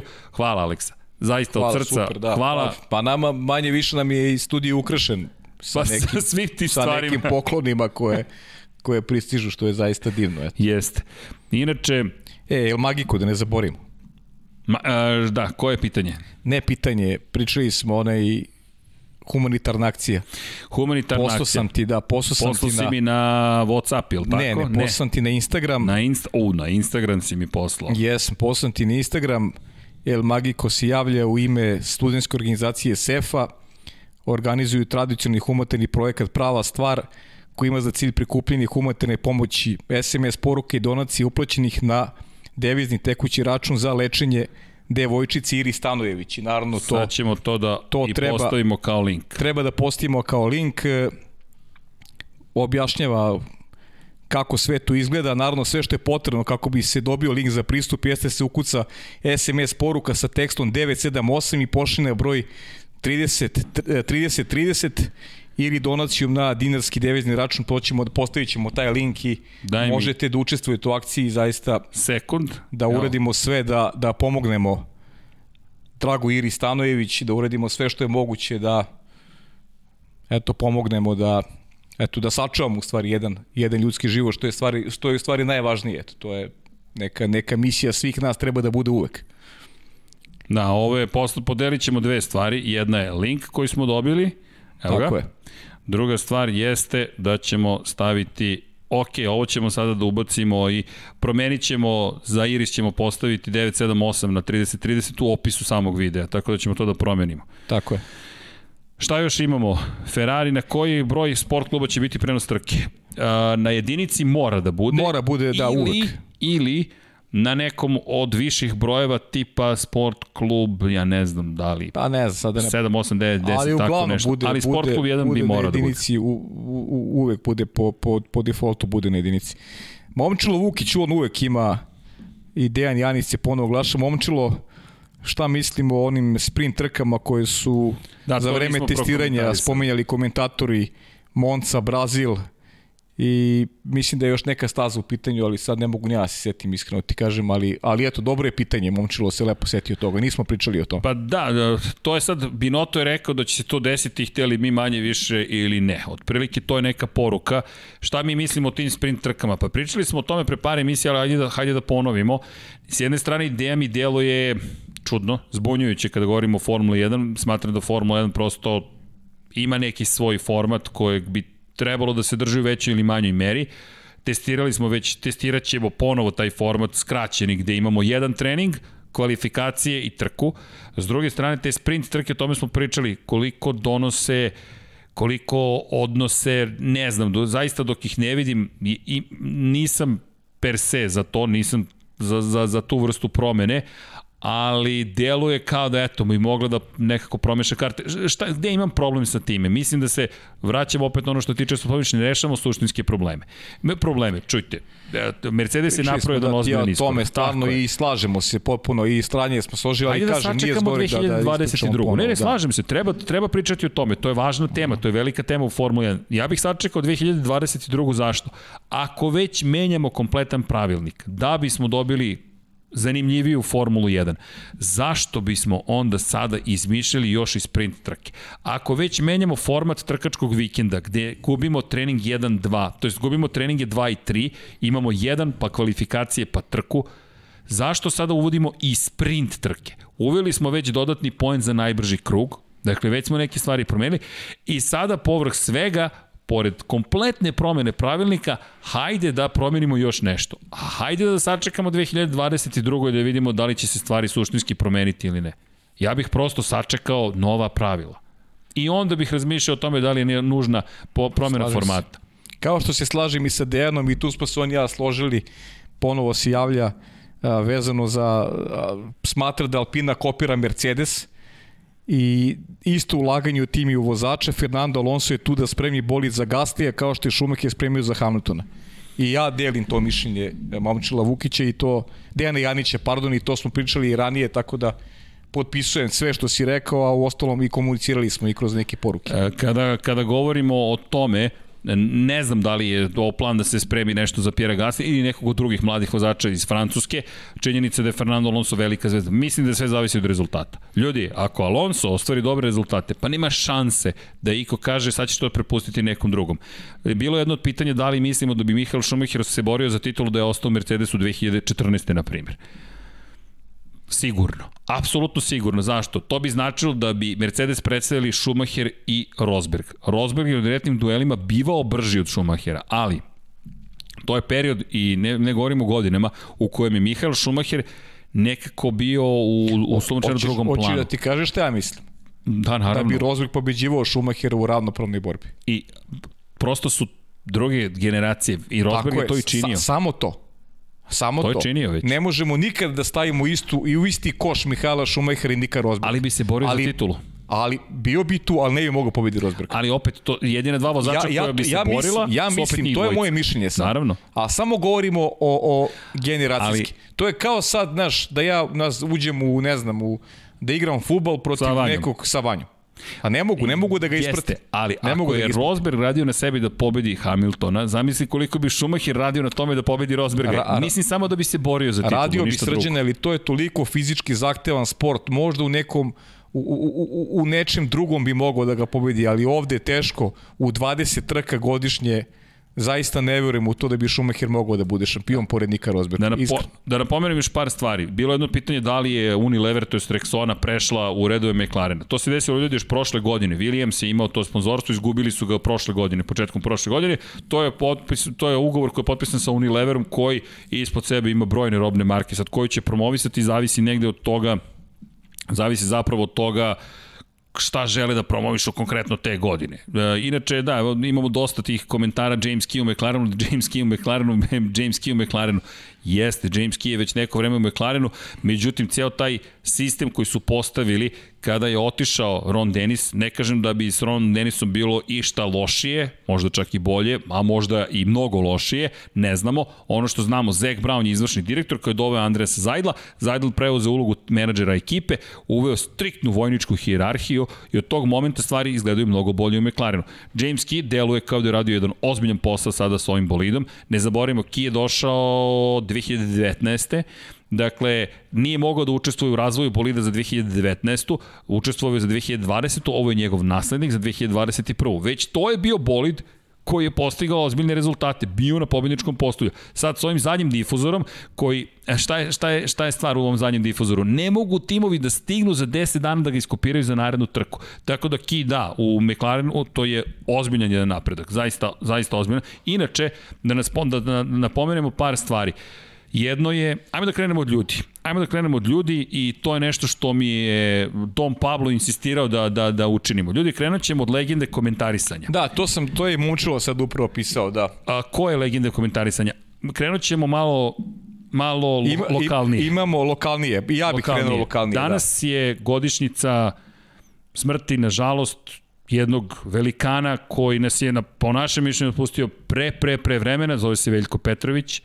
I mi pamtimo Veljka Petrovića, čovek s koga smo mi odrasli, Verujem da ga pamte generacije i generacije i da će ga pamtiti. Mi smo rekli, to ćemo se potruditi. Nismo, mi samo možemo da odlažemo neke stvari dok sve postignemo, ali priznanje zvano Veljko Petrović mi ćemo zaista uručiti nekome od vozača koga vi budete izabrali za prethodnu Kao godinu. Kao što ćemo imati i sećanje na Srđana Suzmanovića. Sukija. Da. Zašto? Zato što prosto je to negde nešto što smo mi izabrali. Nismo dali zavet, ali kao da pa ga zato jesmo što, dali. Zato što ljudi svojim delovanjem, onim što su radili, što su ostali u amanet i sa svojim ljudskim kvalitetima zaslužuju da ih se Tako je. sećamo za, za naših života, da eto ta sećanja negde usmeravamo i, i na vas. Verujem da tako da se i vi sećate, tako da, A mi smo uzeli da to, to nećemo na sebe. Propu, uzeli smo na sebe, prosto imamo priliku to da uradimo i, tako je.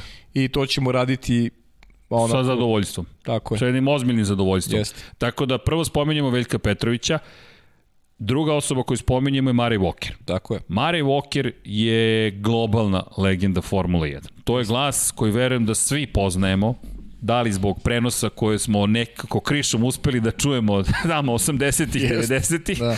na, Brit, na engleskom, sa britanskih televizija, da li zahvaljujući YouTube-u, Mare Walker je bio, da citiram naše kolege iz Top Geara, čovek koji može da učini svaki prenos zanimljivim. Taman da prenosi prenošenje prenosa, ja mislim da bi to učinio na spektakularan način i zaista slava jednom i drugom. Otišli su, mi ih pamtimo. Pa i iz Bora ti kažem i kao i Veljko Petrović recimo. Tako je. To je taj glas koji pamtiš. To je taj glas i to su ti, ti podaci i informacije u ono vreme kada nije bilo nije bilo interneta. kada nije bilo gospodina Google i ostali koji su mogli da pomognu, tada je bilo bio Veljko Petrović koji vam je govorio neke stvari gde ste samo možeš kažeš wow, šta je ovo? Tako je. Znaš, i, I tu si dodatno uh, se onako uh, si ulazi u problematiku i, i, i zavoleo sport koji, koji pratiš tako da Veljku Petroviću sa naše tačke gledišta večno hvala za, hvala. za ono što je kako uticao i na nas, a u krajnjem slučaju Veljko Petrović je neko ko je nas i sačekao na sport, na sport klubu, klubu tokom onih naših prvih dana komentarisanja Jest. i, i bio tu onako zdušno i, i pisao i neke, neke komentare i Jest. nesebično onako baš jedan pristup prema nama koji smo tada bili neki onako, nismo bili klinci tada, ali smo bili mladi, nismo. daleko od toga da su bili klinci, ali, ali je bio tu nesebično. Kao Alonso, klinci. Da, baš je, baš je bio od velike pomoći i to je Jest. nešto se ne zaboravlja. Da. Nažalost, ali već... Nisu svi spremni, nisu svi spremni da, da dele svoje znanje. Ne. To može ali samo veljko... specifičan svoj ljudi, znaš, Jest. neko ko je onako negde i, i izgrađen kao ličnost, ima neko, ima neku ima, neko, ima neki personality koji, koji se razlikuje od, od, od, od ostalih i to, to mi pamtimo, da. Pa i snaga volje, duha da, da, to, da uradi neke stvari. Jest, jest. I nažalost nije komentarisao sa nama već u to vreme sad to nažalost pa, verujem da ste svesni nije bio u mogućnosti baš da radi na taj tako, način. Samo samo iz tog razloga. Bolest je učinila svoje, otišao je pre vremena, ali ga pamtimo. Kao i Mareja Vokera i to su legende ovoga sporta. Svaka na, na svoj način, neko svoje vremeno, nekom svom podneblju. Deki Potkonjak to često priča, ta, ta čuvena scena, kada je Veljko imao ekskluzivnu informaciju, Bernie Eccleston, šef, veliki šef Formula 1, njegova supruga Slavica u to vreme i Mihael Schumacher su Veljku saopšteno je bio četvrta osoba u prostoriji kada je potvrđeno da će Schumacher penzionisati na kraju te sezone, u Mađarskoj je to bilo. Veljko je imao bukvalno globalnu svetsku ekskluzivu, to malo ljudi zna i nije nije ribarska priča, Veljko Ma, je zaista to znao i mogli ste to da čujete, ne si se tačno uh, koja televizija prenosila, da li B92 ili neka, ne znam, ali znam pa, da je, je bilo Veljko tada nalazio, Veljko da. to saopštio, nekako je to prošlo ispod radara, ali Veljko je prvi to imao. Jest. Tako da eto, pamtimo, inače, topla preporuka, pogledajte i crtani film, animirani film Koko. Zašto? Zato što baš priča o tako nekim stvarima, zašto je važno pamtiti ljude. Tako Jest. da ti ljudi žive u ovom studiju i živeće naravno dok god mi budemo mogli da se time pozabavimo. Eto. E, ajde da idemo na još pitanja, ja ih imam, ne znam kako ti, Dejan Jani se ponovo javlja. E, ako vam se, kako vam se čini Aston Martin Porsche 2026. godine? Neka nagađanja i ulaganja Aston Martin tim, pored toga Porsche je jedna fabrika koja ima više inženjera nego radnika i mislim da nas tamo daleko čeka borba između Alpine i Aston Martina. Pozdrav, pozdrav, kaže, neću više. Ako se ne sviđa pitanje opušteno, pa. rekao, ok, pitanje Dejana i ovo je ok pitanje, ali opet možemo da pričamo samo iz percepcije nekih nagađanja. Dotakli smo se, čini mi se, Porschea i, i prošli put, je tako beš? Pa jesmo, pričali smo, dosta pričamo o, o Porscheu i o tome da li će doći, kada će doći, ko će doći iz Volkswagen grupacije, da mi držimo palčeve, znate šta, stalno neke spekulacije, stalno neke priče o tome, evo sad će doći, evo sad će se desiti da. nešto, evo, ne samo što nije ušao Porsche, ali ne znamo još uvek. Teško. Kada govorimo o, o kada govorimo o Ne znam, nadam se. Iskreno nadam se, ali pre 2025. sve pa to, to je na čekanju. To, to, to i kažem. To je, to je prosto čekanje. A do tada, ko zna? Jeste. Bogdan Lukić, vaše mišlje o gumama za ovu godinu, kako je Pirelli odradio svoj posao, hoće li biti istih pehova kao prošle godine i predviđenja za Russell ove godine, može li do nekih poena? Da, e, hajde da samo da se vratim, evo jedan komentar, bio pričali ste o McLarenu i Porscheu, sada Aston Martin Porsche. Da, spomenuli smo to kombinaciju McLaren Porsche, ali kažemo, moramo da čekamo. Aston Martin Porsche, može, mi glasamo odmah, isto, iz toga, a pitanje evo za, za Rasela. Za Rasela, pita da Bogdan, pita Bogdan i za Pirelli gume. Pa Pirelijeve gume, nažalost opet, tri dana testiranja, nemamo predstavu. Promenili su gume, ali dok ne krene trkanje, dok mi ne vidimo koji će tu od timova najbolji koristiti, opet ništa ne znam. I s jedne strane, koliko god tu pričali o smanjenju troškova, ja ne vidim smanjenje troškova. Da, ograničen je budžet ove godine, ali šta ćeš ti uštediti ako u tri dana ti nisi završio posao? Da li mogu da zamislim trošak koji sada fabrike imaju kod kuće da nadoknade sve što nisu mogle da urade tokom ova tri dana testiranja? Šta biće mnogo manji troškovi. Ja to, ja to ne vidim i mislim da to velika greška i nemamo odgovore. U suštini mi idemo prvo Bahrein, pa onda idemo u Imolu. Tako je. I tek posle te dve trke ćemo znati nešto više. Pri čemu koliko god da volim Imolu, Imola je jedna uska staza. Pitanje je i tamo šta će moći da testiraju tokom same trke. Je, pazi, Aleks Janković ti pita, jel Magiko da. se javlja, zahvaljuje se na, na svemu, naravno Aleksa kad god u tim akcija ćemo uvek da učestvujemo. Pitanje za tebe, ima da. konkretno. Da li i dalje dobiješ one izvešte od Claire iz Williams, to je, to je da li si na onoj listi, pitate Aleksa. Pa ta lista se Aleksa promenila, ta, ta lista bojim se da ne postoji ni u njihovim arhivama više, možda negde, da, to je, to je priča, to, bio sam kod Ivana Minića, našeg prijatelja Bureka, pa smo pričali o tome, to su, ti znaš, u to vreme smo radili zajedno u sportskom Kako žurnalu, Kako ti, ne? ti si bio u, u futbolskoj, ja sam bio Jest. u, ne znam, bio sam... Ti, ti si bio, ti si, ti bio, si bio svašta, svašta, svašta, svašta sam bio, da, da. Dakle, kad nemate čime da popunite Erceg, daj neki, daj, daj nešto da nam treba danas. Tako je. E, ali smo mi to lepo iskoristili, pa onda je, to stalno pričam, ljudi, pišite, pišite, pišite, to jest čime god da se bavite. E, čekaj, ko je bio urednik noćne? se sećaš u to vreme? Urednik noćne, pa bio je bio Đura. Đura. E, ja Đuri ostavim Đura. tonu papira tonu papira i sad Đura zatekne tonu tekstova o Formuli 1 i u to vreme svetskom šampionatu u motociklizmu i pred Beogradsko izdanje nema novih vesti. Opa, u Beogradsko izdanje odjednom uđe Formula 1 koliko hoćeš. Tako da pišite. Pa, pazi Dimitri Marković, pazi ovo pitanje, sjajno pitanje. E, sklopite vašeg idealnog vozača od sadašnjih i bivših. Glava, brzina, veštine. E, čekaj, samo da znaš, žale se ljudi na, što na direktnu vezu koriste ljudi da, da postave pitanja pa ne komentarišemo chat. Aha, aha, do, pa evo ja malo, znaš, ja malo upotrebljavam ove, ove moja, ova moja pitanja. A? Da, Kaži inače, kako pitanje. Da, da, ima i dobro da spojimo. Da spojimo, da, idealnog, napravimo idealnog vozača od sadašnjih glava, brzina, veštine. Glava, brzine, veštine. Uf. Da. Od sadašnjih. Od sadašnjih vozača. Od, sa, od sadašnjih. Brzine, da. veštine, glava. Tako je. Uf. Čekaj, glava. Uf.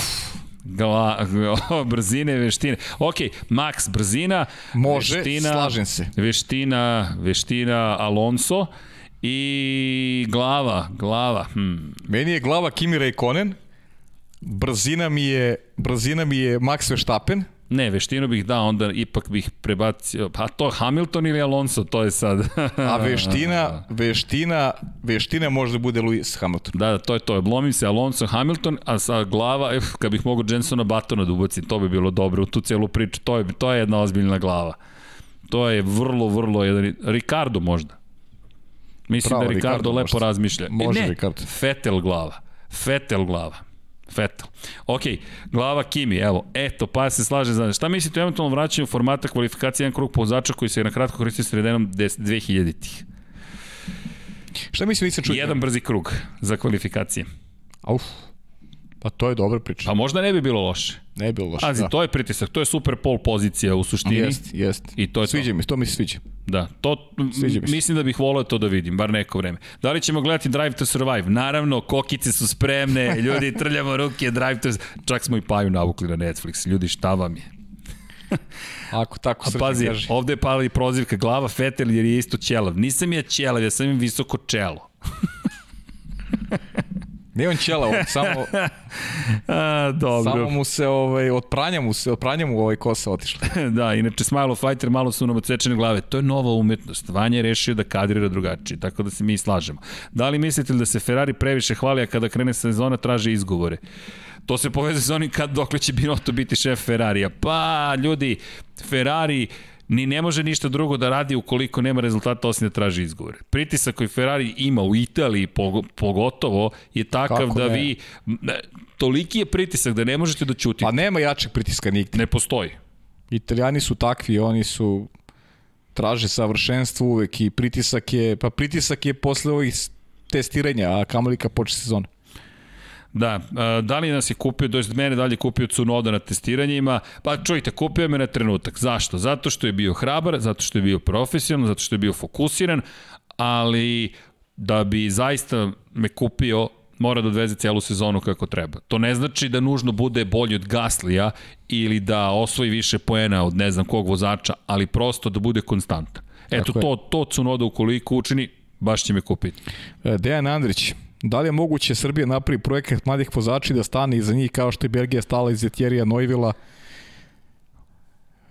Mađarska, Baldija i još mnogo primjera. Da li Srbija može takav projekt napravi i ima li ih Eto. Ne. To je pitanje od prošli put koji nismo postavili, nisam stigao Dejan izvini, ali teško da je tako nešto Dejan izvodljivo. Nažalost, ne. Mislim da u skorije vreme da, da to je da je to nemoguća misija. Da, da imate mogućnost da napravite film o nekom događaju iz Formule 1, kojem događaju biste snimili film? U kojem događaju bismo snimili film? Po kojem film? događaju biste snimili da, film? Da, u Formuli 1. Pa ja bih snimio po, po onoj onoj borbi iz 2010. godine čuvenoj kada je, su četvorica je vozača mogli dobro. da osvoje šampionsku da. titulu. Da. Abu Dhabi kao završnica, ali generalno o, tom, o, tom, o toj sezoni. Tako, o toj sezoni ili, oni, ili čuveni rivalitet e, Sena Prost, recimo, to je sigurno za za, za, za jedan dobar film. Da, to, to imali smo Lauda Hunt, ali nismo imali Sena Prost. Nismo imali Sena da. Prosta, bilo je mnogo, mnogo segmenata. Da. Podržavam. Da, eto recimo to mi prvo palo na pamet. Da, dobro, možemo očekivati za gostu emisije Lep Scientific Aleksandra Babića, Peđa Milinkovića, Mladena Alvirovića, Andreja Kulundića. Možete. Može, bravo. Možete. Već smo, ja, ja bih već su nam na spisku. Iskreno ti kaž, iskreno da vam kažem, ja bih jako volao da vidim ovaj Peđu Milinkovića i nadam se da će da će hteti zato što smo on je, on je odrastao zajedno sa Srđanom i sa mnom i, i u to vreme recimo, recimo Peđa je jedan od tih sa kojima sam ja gledao zajedno trku koju je poginuo Ayrton Senna. Da, to je. Recimo, gledali smo zajedno tu trku i baš ga volim i znam koliko on voli Formulu 1, tako da bi bilo lepo da se pojavi ovde. Da, evo da odgovorim na jedno od pitanja. Sena već ima film, Amir kaže, da, ima Sena, ali... Ali pričamo, pričamo o događaju... Poput filma koji opisuje, Rush koji opisuje taj, taj duel između Jest. Lauda i Hanta, to bismo volili prosto da vidimo. Inače, šta mislite o Perezu od prvog do trećeg mesta u prvoj trci? U... Don Pablo ima dobru teoriju. Don Pablo ima sjajnu teoriju da će Perez zapravo biti ljuta papričica u Red Bullu i da će se vratiti nekim starim navikama, to jest sukobima u okviru ekipe na samoj stazi. I da Perez neće baš tako lako prihvatiti tu ulogu pratioca Maxa Verstappena. Ali da odgovorim na ovo pitanje, da eto šta vi mislite, da li će Perez da bude miran ili će biti ljuta papričica? I da li mislite da će biti od prvog do trećeg mesta u prvoj trci? O, odlično pitanje. E, znaš šta ću da kažem? Hoće. Ja mislim da Hoće. neće. Ja mislim da neće. Svi me čudno gledaju, ali eto. Ja mislim da neće, ali dobro. I pam, zapamti šta smo pričali. Da, inače, izvini. Ne, ne, ne, naravno, ajde, Johnny ajde, imamo. Milanović pita, da li istina da Mission Winnow kompanija za distribuciju Marlbora? Ne. Mission Winnow je tak, inicijativa kompanije Philip Morris International koja proizvodi između ostalog Marlboro kao cigarete i kada vidite taj zeleni na, na Ferrariju moment, Mission Winnow logo, to je način da se reklamirate i da reklamirate duvansku industriju, a da niste duvanska industrija. I cijela inicijativa kaže da želi da ohrabri dijalog o pozitivnim promenama u svetu, kako svojih promena, tako i pozitivnih promena drugih ljudi. Tako da je to nešto što je bukvalno to, mission winnow, to je način na koji žele prosto, čujte, da ne uvijamo reči, suštinski radi se o promociji i evo mi sad to spominjemo i to je komunikacijona platforma kako se sami predstavljaju. Ljudi, evo mi sad već pričamo o tome da, da, da imate konstruktivnu promenu. Međutim, suštinski našli su načina da imate slovo M, da ostanete na bolidu Ferrarija ili na motoru Ducatija, a da niste duvanska industrija zvanična. Eto, i ne, nije to koji distribucijona kompanija, naprotiv, to je jednostavno brand. Andrija Marković ima, ima, u stvari ima dva pitanja. E sad ja ne mogu ovo prvo, ja mogu samo da prevedem. Sjajna je zaista fotografija. Da. Kao, e, koji od ovih vozača, kao, a imamo Luisa Hamiltona spremnog, zategnutog, e, Marka Markeza i NASCAR vozača koji onako izgleda malo kao, kao ja izgleda malo ovako, još sa cigarom ustima, pa pazi, ja ću ti da ti kažem NASCAR vozač, jer je to meni pri... meni, je, meni je slično, razumeš, tako da, a dobra šala, ali ima jedno pitanje, kaže, da. koji od bivših prosječnih vozača bi sada bio konkurenta za osvajanje titule? Pozdrav za sve u, za, za sve u studiju a, od Andrije. Koji? Od, o, od prosečnih, prosečnih vozača bi bio kandidat za titul. Sada? da. Nijedan. Slažem se Nijedan. Ja. Ljudi, nema... Prosek ne, ne može ne da osvoji titul. Ne može, prosto ne, ne može. E da, inače imamo zahtev da se uvede segment Pine Instagram. Aha. Opa, dobit ćeš svoj segment, Pine Instagram. da mi je neko rekao da ću ja čitam pitanja uliko s Instagrama pre godinu dana u ovo vreme. Da, ne bih mu verovao. Da li je pravilo za modove motora isto isto kao prošle godine? E, da. Dakle, imate, prosto nema promene modova između kvalifikacije i same trke što opet ne znamo kako će, kako će izgledati. Po A pazi, pazi šta nas Bogdan pita, koje biste ti Srki uzeli broj da ste vozači Formuli 1? ja mislim da... Ja bi uzao broj 9. Da, ja, odgovor je tu. Ja ne, ja ne razumem, ne, ne razumem. ne razumem pitanje zapravo. Ne možemo obojiti 76. da, da, da. 67, 76, svako svoj godišnje. da. da. Ovo nisi očekivao i ni za kudarac. pa do, svako svoj godišnje. Ja, e da, ja, ja 89. Čekaj, kažu da ja imam loš uticaj na tebe, da znaš ti na mene imaš Ja imam loš uticaj na tebe. U kom smislu? Ne znam, ali eto imam neki loš uticaj na tebe. Da li bismo pokvario volili, si me, ja? Da, pokvario sam te. Da se vrate boje koje smo imali u Formuli 1 tokom te duvanske ere. Pa boje da, a duvanski proizvođači ne. Nažalost, ljudi, to je ta čuvena pitanje da vam dođe sponsor iz duvanske industrije šta biste uradili. Tad ćemo tek znati koliko smo od, od, od integriteta ili nismo, ali nažalost, ljudi ne branu nikom da, da, da koristi duvan. Oko mene svi su pa, na duvanu. A vidiš, opet oko toga možemo ne da branim nikome. Naš, mislim, Svako neka radi sa svojim životom šta želi. Ja mislim da da svako sponzorstvo ovaj, ne, bi, ne bih branio, zato što to su sve individualne stvari, naš.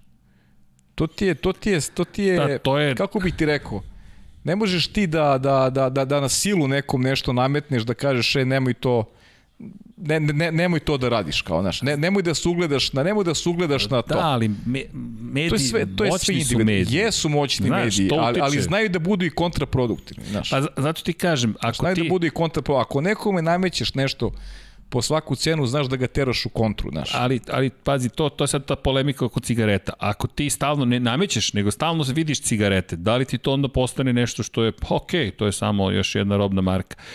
E, to su to je zahtevna tema.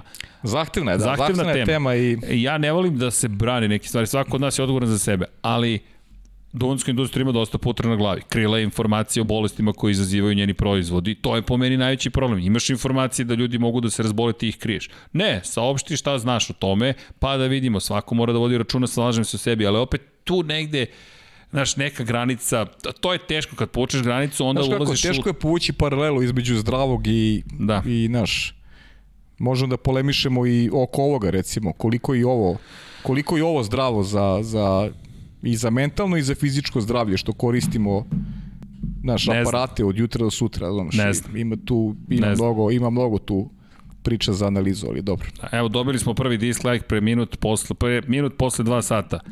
Ma to je neko broj koliko sati trajemo, šta vam je. Nema veze. Kogod je udari dislike, pretvorite ga u like. Da li može Williams do prvog poena ove godine?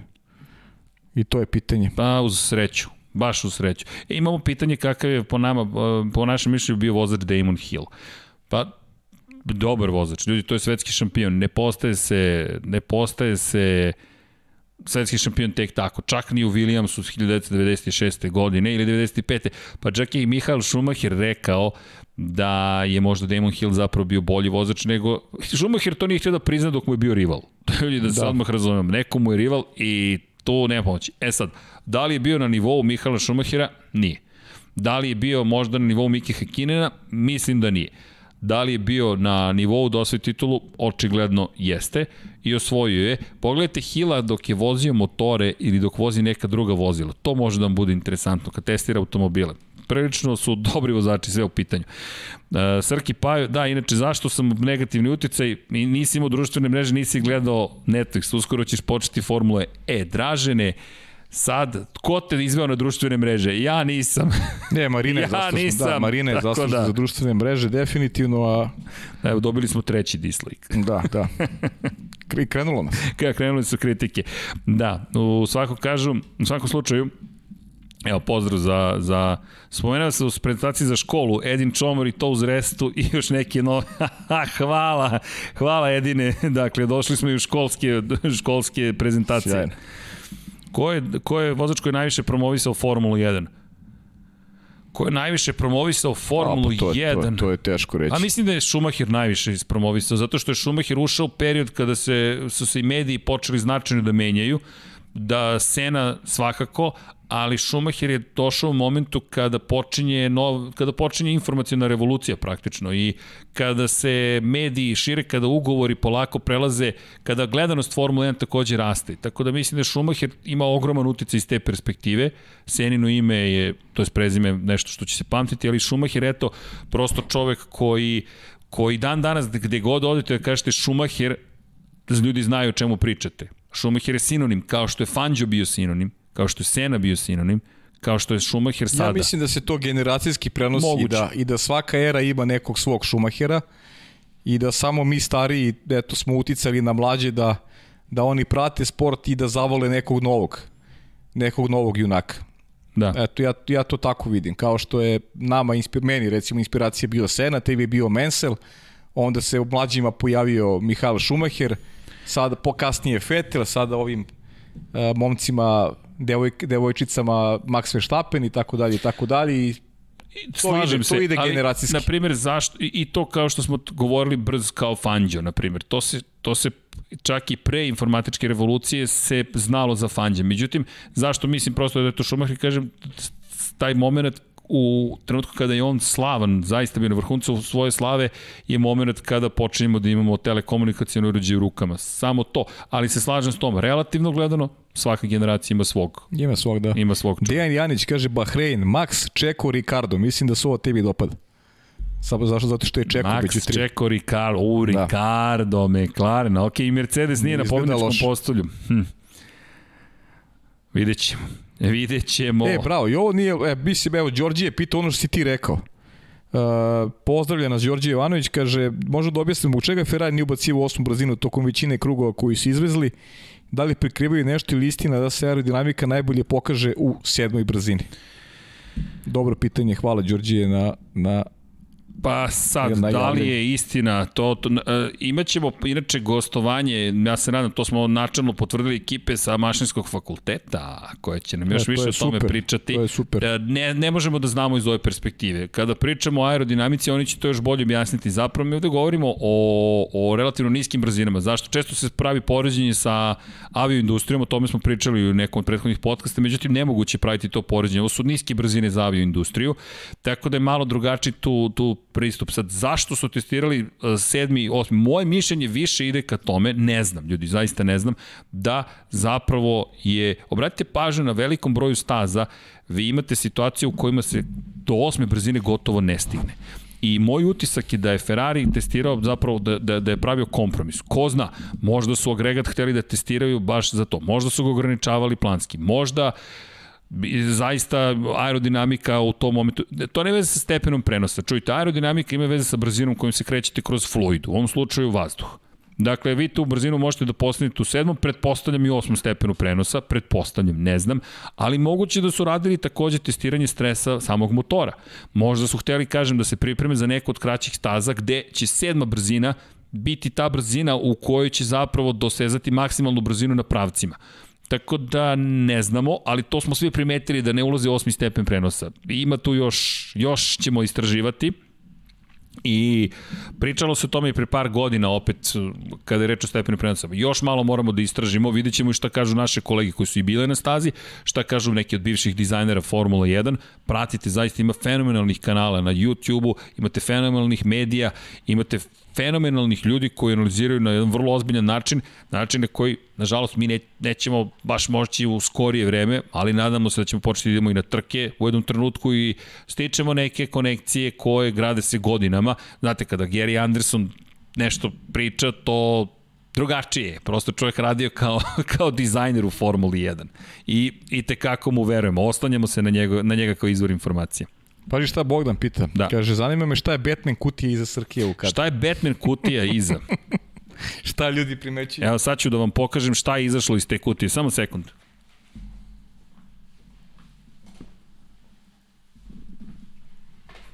Ima i predlog, Bogdan, da, da nosimo majci u boji stolice na kojima sedimo.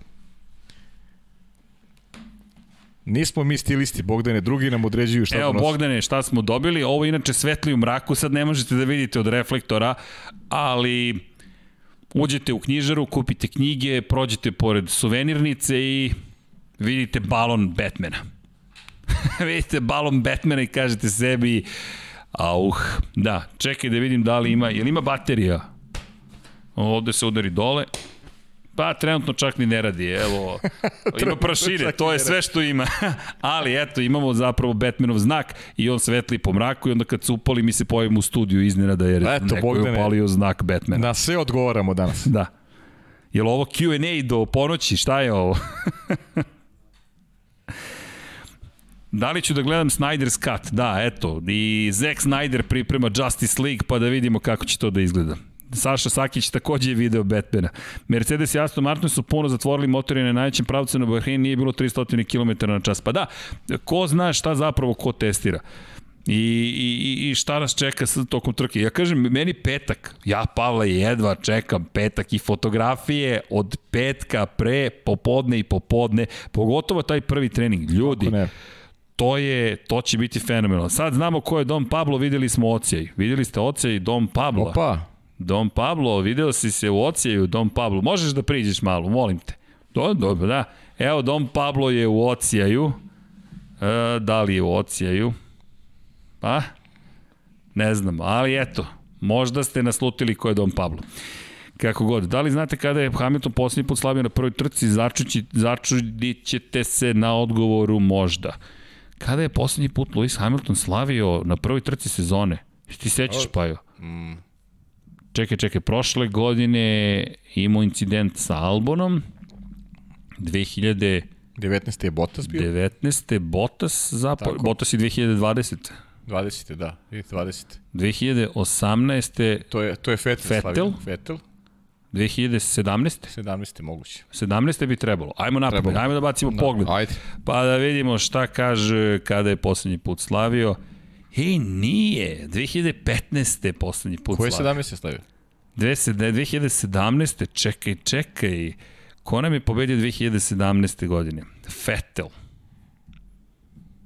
Vidiš, zanimljivo.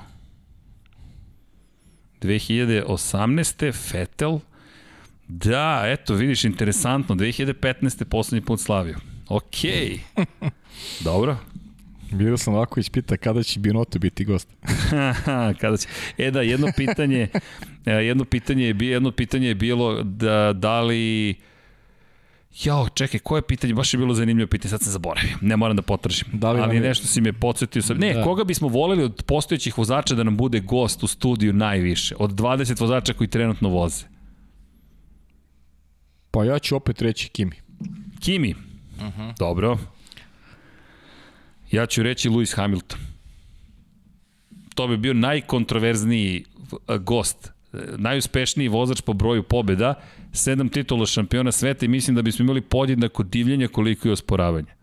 A Kimi mislim da bi bilo apsolutno oduševljenje svih nas, a pošto si ti izabrao Kimija, onda ja idem ka Luisu okay, Hamiltonu. Ok, pa dobro. Eto.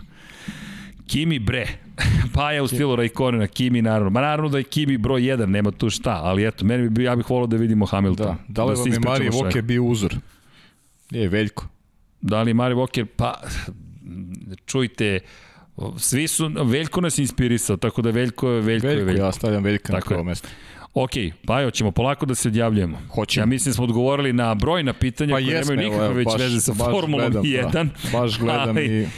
Dakle, da Da, ima i pa mislim ok što ok što ima pitanja ne, ne, ne. koje nemaju veze sa Formulom 1 i to mi redu. Želite, da. nama, nama mi se lepo zabavljamo, nema ovde pravila. Nema ovde pravila, tako da mi sami definišemo pravila. Evo, koji mi je omiljeni superheroj? Koji mi je omiljeni superheroj? Kad sam bio mali, bio mi je kapetan kometa. Ne znam da ga se sjećate uopšte. Imali smo tajnu družinu u osnovnoj školi Lazar Savatić u Zemunu i svi su izabrali heroja, ja se kasno pridružio nekoj formi Justice Liga, Voja Vojinović, moj prijatelj da. je bio Superman i nisam mogao da budem Superman, mada mi je Spider-Man bio omiljeni kao klincu, ali su me stavili na kapetana kometu, eto. Ako znate uopšte ko je kapetan kometa, ljudi, to je davno, davno bilo. Ne, omiljeni superheroj, mnogo ih je, baš i mnogo superheroja koji su mi tako interesantni. Ali Thor, eto, Thor, ali iz stripova Thor. Eto. Stripovi, da. Tako je. Stripovi, jedan i Alan da li volim Red Hot Chili Peppers? Da, volim Red Hot Chili Peppers. Da. Bio sam i na koncertu. Čuvenom i tako. Pitanje okay. kada ćemo biti gosti u sobstvenom podcastu? Ljudi, Pavle, Pavle mislim da je stvarno vreme da se... pitanje? Da li će biti gosti u sobstvenom podcastu? Da li ćemo biti gosti u sobstvenom podcastu? e, okej, okay, to bi bilo dobro. A ko da bude domaćin? To je jedino pitanje. Vanja. Vanja da bude domaćin i da nas ispituje. Pa neko, ajde, neko bi trebao da bude domaćin. Može. Vanja, da, Vanja, jel pristaješ? Pristaje, diže dva prsta. Pristaje da diže dva prsta. Ok, ajmo Pavle, sad stvarno da se definitivno pozdravljamo. Ajde, Ima... bilo, je, bilo je super, stvarno. Bilo je zabavno. Jeste, Evo, ja sam taj koji je rekao da se pozdravlja. Ja bih ostao sad još 3,5 sata, ali da uštedimo malo za onih čuvenih 37 časova i da li će biti obaranja rekorda u skori vreme. Hoće samo da se mi iskombinujemo kad tačno pa sad možemo da... Pa ne samo da, da se iskombinujemo, već da napravimo projekat. Ideje, da napravimo ljudi. i projekat. Bez, imamo. bez projekta nećemo da radimo, a imamo neku ideju kako će to da izgleda, tako da imamo već ideju i, i ko će i da dođe i zašto ćemo da se vežemo i tako dalje. E, samo evo da odgovorimo. Conqueror, peti put isto. Da li mislimo da Ferrari krije brzinu i gledajući brzinu Alfa Romeo i da li će neko od Ferrari vozača biti u top 3 u generalnom plasmanu na kraju sezona? Ja mislim da, da svi kriju brzinu i da nismo videli da ništa, što, ništa što je realno stanje, tako da ako možemo da pričamo o tome da je Ferrari krio brzinu i, i drugi su krili brzinu. Ali mislim da, da bi mogao Charles Leclerc na kraju godine da da, da bude među vodećom trojicom. Ali to opet, ljudi, Hamilton, Bottas, Verstappen, Perez u toj igri, pa i A sam oni Sainz. Pre svega, oni pre svega. Biće zabavno. Biće zabavno. Ok, Ali Don Pablo, jel se odjavljamo ili ne? Ne. Don, pa, ne, Don Pablo kaže ne. Ok, ljudi, evo ovako, oni koji vole Formulu 1, oni koji vole Formulu 1, Uh, sada ostatak podcasta neće biti posvećen samo Formuli 1, već sad smo ušli u zonu sumraka. U zonu druge strane studije na kraju univerzuma. Ok, evo, pitajte šta god želite. Stoti put smo se odjavili i vraćaju nas ponovo. Evo, Dom Pablo prvi put u istoriji studija na kraju univerzuma je Dobro, rekao ali, da ne idemo. Ali nećemo, nećemo da preterujemo, nećemo da preterujemo ovaj, zato što ima neki koji su ovde radili ceo dan.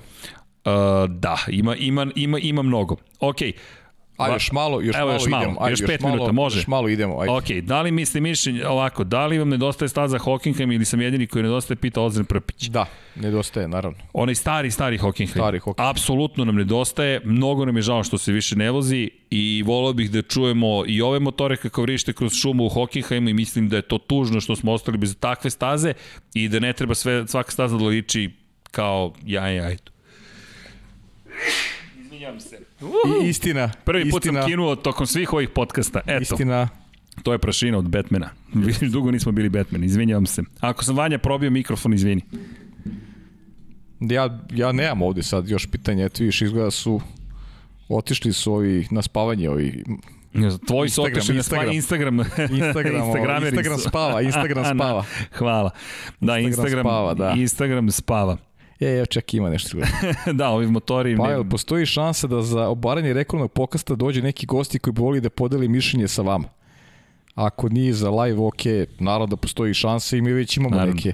U stvari, ja sam bez srđenovog znanja već ovaj... Uh, ovaj, o, dogovorio sa, sa dve devojke koje nenormalno prate Formulu 1 i mnogo prate i mnogo poznaju, tako da imaćemo priliku eto da malo i sa njima i da sa njima proćaskamo i bit će mi zadovoljstvo da to uradimo zaista. Eto. A šta će biti još od, od ostalog sadržaja? Pa imamo 37 sati, dogovorit ćemo se. Napravit ćemo neki plan. Nešto ćemo smisliti. Inače da pozdravimo Ozrena, posebno da pozdravimo Ozrena. Zašto da pozdravimo posebno Ozrena? Ozren je jedan od ljudi koji svašta radi za konkretno studio na kraju univerzuma, čovek koji nas je prvi podržao gde na Patreonu, tako da ko hoće da nas podrži, evo bacit ćemo link, na Patreonu smo i nas je otkrio ako nismo ni planirali još ni da se reklamiramo, ali evo ga i pinujemo poruku, a čekajte. Boris Trutin pita da li si odabrao kafanu za Lab 100? za Lab 100. Pa, pa jo, ti, e, odlično, ti organizuješ 100 to izdanje. Imam, imam uh, Borise dileme, ovaj, oko, ali eto, smislit nešto. Organizujem ja, da, bit će neka kafana sigurno. Da. Biće neka Pa hoćeš live streaming iz kafane. Pa što se mene tiče. Umesto dobro, tiny da. desk da napravimo glasni sto. Ko ne prati Tiny Desk, pratite te koncerte. Fenomenalni su. Ako želite da slušate, pa i mene. Eto. Da. I ja, Amir pita kada će četvrta epizoda Lab 76. Amire, našli smo epizodu i mogli bismo da emitujemo. Da, mogli bismo da emitujemo. Šta, pita, pita Bogdan šta će biti sa kacigom Rosije u slučaju delenja, da li mogu imam neke postup, neke povlastice. Ja, to treba Teško. isto da podelimo, Dom Pablo me mrko gleda, ali po, polako smo počeli da stižemo ka onima, onome što smo definisali prošle godine. Imali smo tu neki malo poteškoće. A u kom timu i volao da bude šef? Evo, pita Đorđije, to je interesantno. Kojem bi timu volao da, budem da bude šef? šef da. U Formuli 1? Formuli 1, da. Matija, Matija. Matija, Matija. Ba, iskreno, najveći izazov bi mi bio Ferrari. najveći izazov bi mi bio Ferrari. E, najviše bih volio iskreno McLarenu da budem šef. Nekako imam taj, ali Ferrari bih voleo da preuzmem pa da vidimo da li zaista mogu da stanem iza reči koje izgovaram. Tako je, da vidimo šta je sa tim Binotom. Ja, pazi ovo pitanje, ovo su nas već pitali srđeni, da, da li Milan pita, koja kola vi vozite? Interesantno u celoj priči Milane je da nas dvojica smo. već duže vreme ne uzimo ništa. Prestali smo. Eto. Nećeš verovati, dugo smo ovaj, bili motorizovani, ali sada ne uzimo ništa.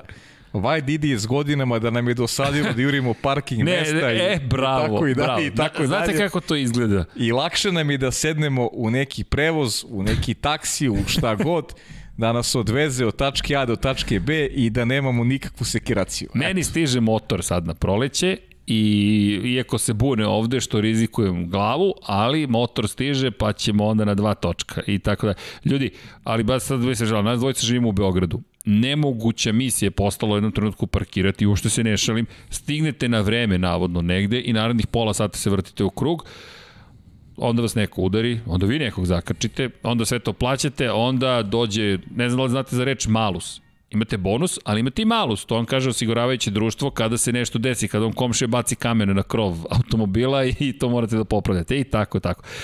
Da, Muhamed Hajdari, analiza trka po trku za prošlu sezonu, a došla nova sezona. Muhamed je nekako ćemo se izgupi, iskupiti za taj propust, nešto ćemo smisliti, ne, da, da, tako da ne zamerite, ali Mi smo se motori... Ne, nešto mi poručuju Još da. pet minuta, a Dom Pablo koji je pristao da... da... Ne, ne, ne, još pet, pa ne, ali ima, kažem, mislim, ima ovde neko ko će da radi i sutra ceo dan. Tako je. Šta mislimo o Davidu Croftu i Mare Walkeru? Sve najbolje. Sve najbolje. Po, šta mislimo o, o, o info da Francuzi hoće da vrate F1 trke u Le Mans? Mislim, mislimo sve najbolje. Formula 1? Tako je. Pa znate šta, Le Mans, koji Le Mans? Bogati staza koju koristi Moto Grand Prix ili klasični Le Mans? Klasični Le Mans. O, to je previše opasno. Ljudi, mulzan pravac tamo, čak i skraćen je ovakav kakav jeste, jer ne se ni da zamislim Formula 1 tamo da ide. Zvuči sjajno, ali ljudi, o, opasno. Inače, feel the vibe. Ubih u pojam, pitao sam 100 puta. Šta mislite, Aston ili Alpina i ko ima veće šanse za top 5 konstruktora ove sezone? Alpina. Alpina. Alpina. Da li bi volio da se vrate e, V10 i V12 motori današnje formuli i volio bi da čujem vaše mišljenje o tome Filip Đekić pita. E, koje koje izvini pitanje, ja sam čitao e, da li bi, Da li bi volio da se vrate stari V10 i V12 motori u današnju formulu i da čuje, volio bi da zna naše mišljenje o tome. A, volili bismo da ih čujemo. Tako je. Ba, volili bismo zaista. Bogdan, šta mislite, šta očekujete od Teja Poršera, jer ja lično imam veliko očekivanje njega i mi imamo Bogdane takođe veliko očekivanje od njega, ali mladi još momak i tek kreće u Formulu 2, tako da treba biti strpljiv sa tim očekivanjem. GP Community, sutra je MotoGP podcast, sutra je GP podcast, nemojte da brinete. Koja će ekipa odneti pobedu ove sezone osim Mercedesa i Red Bulla? Ej, dobro pitanje, pozdrav Tomislave. E, bravo, odlično. Ko će da pobedi ove godine? Mm. Pobedit će, pobedit će Ferrari. Hoće. Pobedit će Ferrari i pobedit će rekli smo da će pobediti Sebastian Vettel sledeći u, u Čekaj, sledeći ali Aston Martin ako pobedi onda Aston Martin pobeđuje Alpinu ili ne, ili će to biti na nivou Alfa Taurija. Pobeda, ali neće biti bolji pa, u šampionatu konstruktora. Sebastian Vettel, ja da ti kažem, okay. uvek ću da tipujem da će Sebastian Vettel pobedi nešto u nekoj da. trci. Dobro. Dobro. Hoćemo sad da se da se polako da se odjavljujemo, mislim kažem eto da spremajte se ljudi, imaćemo eto i tih 37 sati i bit će tu sadržaj. Oduzet ćemo ti telefon, evo, traže sada, inače, ili ćeš dobiti još 600, ej ljudi, svi zapratite Pavle Živković, 28, je li tako? Čekaj, čekaj, ovo je sad jače od mene. pa čekaj, Pavle, Pavle Živković, 28. Sad ćeš da bu, sad ćeš da trenduješ na Instagram. Zašto me sad kad kad ovaj kad ljude samo poštujem ljude koji se jave, mislim. E. To, evo, evo, evo još jedna poruka. Tako da... Dorijam Tičak, pitanje da dođe to je F1, koji broj biste nosili? to smo odgovorili Jeste, već. Da. to smo 9.76. Tako je, dobro. Biće Q&A 6 sati. ok, dakle... Do, do... Bogdan, laku noć od mene, evo je laku noć.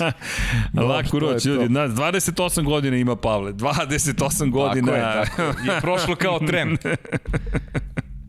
tako je, od kada smo se upoznali. Ne, sad je 26 godina od kada smo se... Ajde, ne preteruj, ajde, to, to, to je to, ajde. Ubiće nas. ok, Binoto, otkaz vaše mišljenje. E, da, podržavamo. Podržavam. Šalimo podržavam. se. Da li će ga dobiti? Neće ga dobiti. Ne ove godine. Stali, dali su mu podršku i neće ga dobiti. Možda za sledeću godinu, a opet to sad sve zavisi od rezultata koje bude, koje bude postigao. Ljudi, vreme je sada da, da, da se odjavimo zaista i hvala vam puno na strpljenju. Nadam se da ste se zabavili. Ovo na kraju je bilo, eto, više da se zabavimo. Nadamo se da ćemo da da ćemo da, da, da, da sledeće nedelje budemo uh, šta, Pa ništa. Spremni, ne možemo da budemo spremni, ljudi, mi smo pa ne, ovo spremni, sutra super, može da super, počne zabavno već. i jed, eto, taj utorak. Sledeće nedelje deki da doće. Pa kako god doći. Kako mislim. misliš? Šta pa misliš? Može, Crveno, plavo, god. zeleno, žuto ili tako nešto? Smislit ćemo god, nešto. Dajte, šta god. Pratioci rastu na pajnom profilu do 1000 večeras. Ljudi, zapratite Pavle Živković 28 na Instagramu. Umeđu vremenu, ono što uvek kažemo, Pazite se, pazite, vozite računa, vodite, vozite računa jednima drugima. Može i tako, vozite računa jednim drugima ili vodite računa jednim drugima. Pavle ja ćemo biti tu, Deki ja ćemo biti sutra tu. Nadamo se da će biti podjednako zabavno i uzbudljivo kada je reč o pripremama za Moto Grand Prix. Mark Marquez danas seo na motocikl, eto to neka bude del, delić najave, testovi su završeni. Verujemo da će biti tekako uzbudljiva sezona kažemo, podržite komšiluk, sebe, jedni druge, uvek možete nešto lepo da uradite, mi se ćemo se potruditi da mi uradimo nešto lepo. E da, i dajte komentare kako vam se svidelo i ovo što smo crtali, kako mi izgleda tehnički kutak, šta biste volili da unapredimo, stavit ćemo još anketa i nadamo se da ćemo biti još bolji. A, Da, kupite majice, eto, počeo sam sve da reklamiram, post, postao sam pokretna reklama, ali okej, okay, to je sve u duhu onoga da se ovaj tim proširi i da budemo još bolji i da pravimo još bolje stvari i emisije i da nam bude još lepše i zabavnije svima nama, nadam se. Ljudi, uživajte još jednom. Ćao svima. Ćao svima, svako dobro.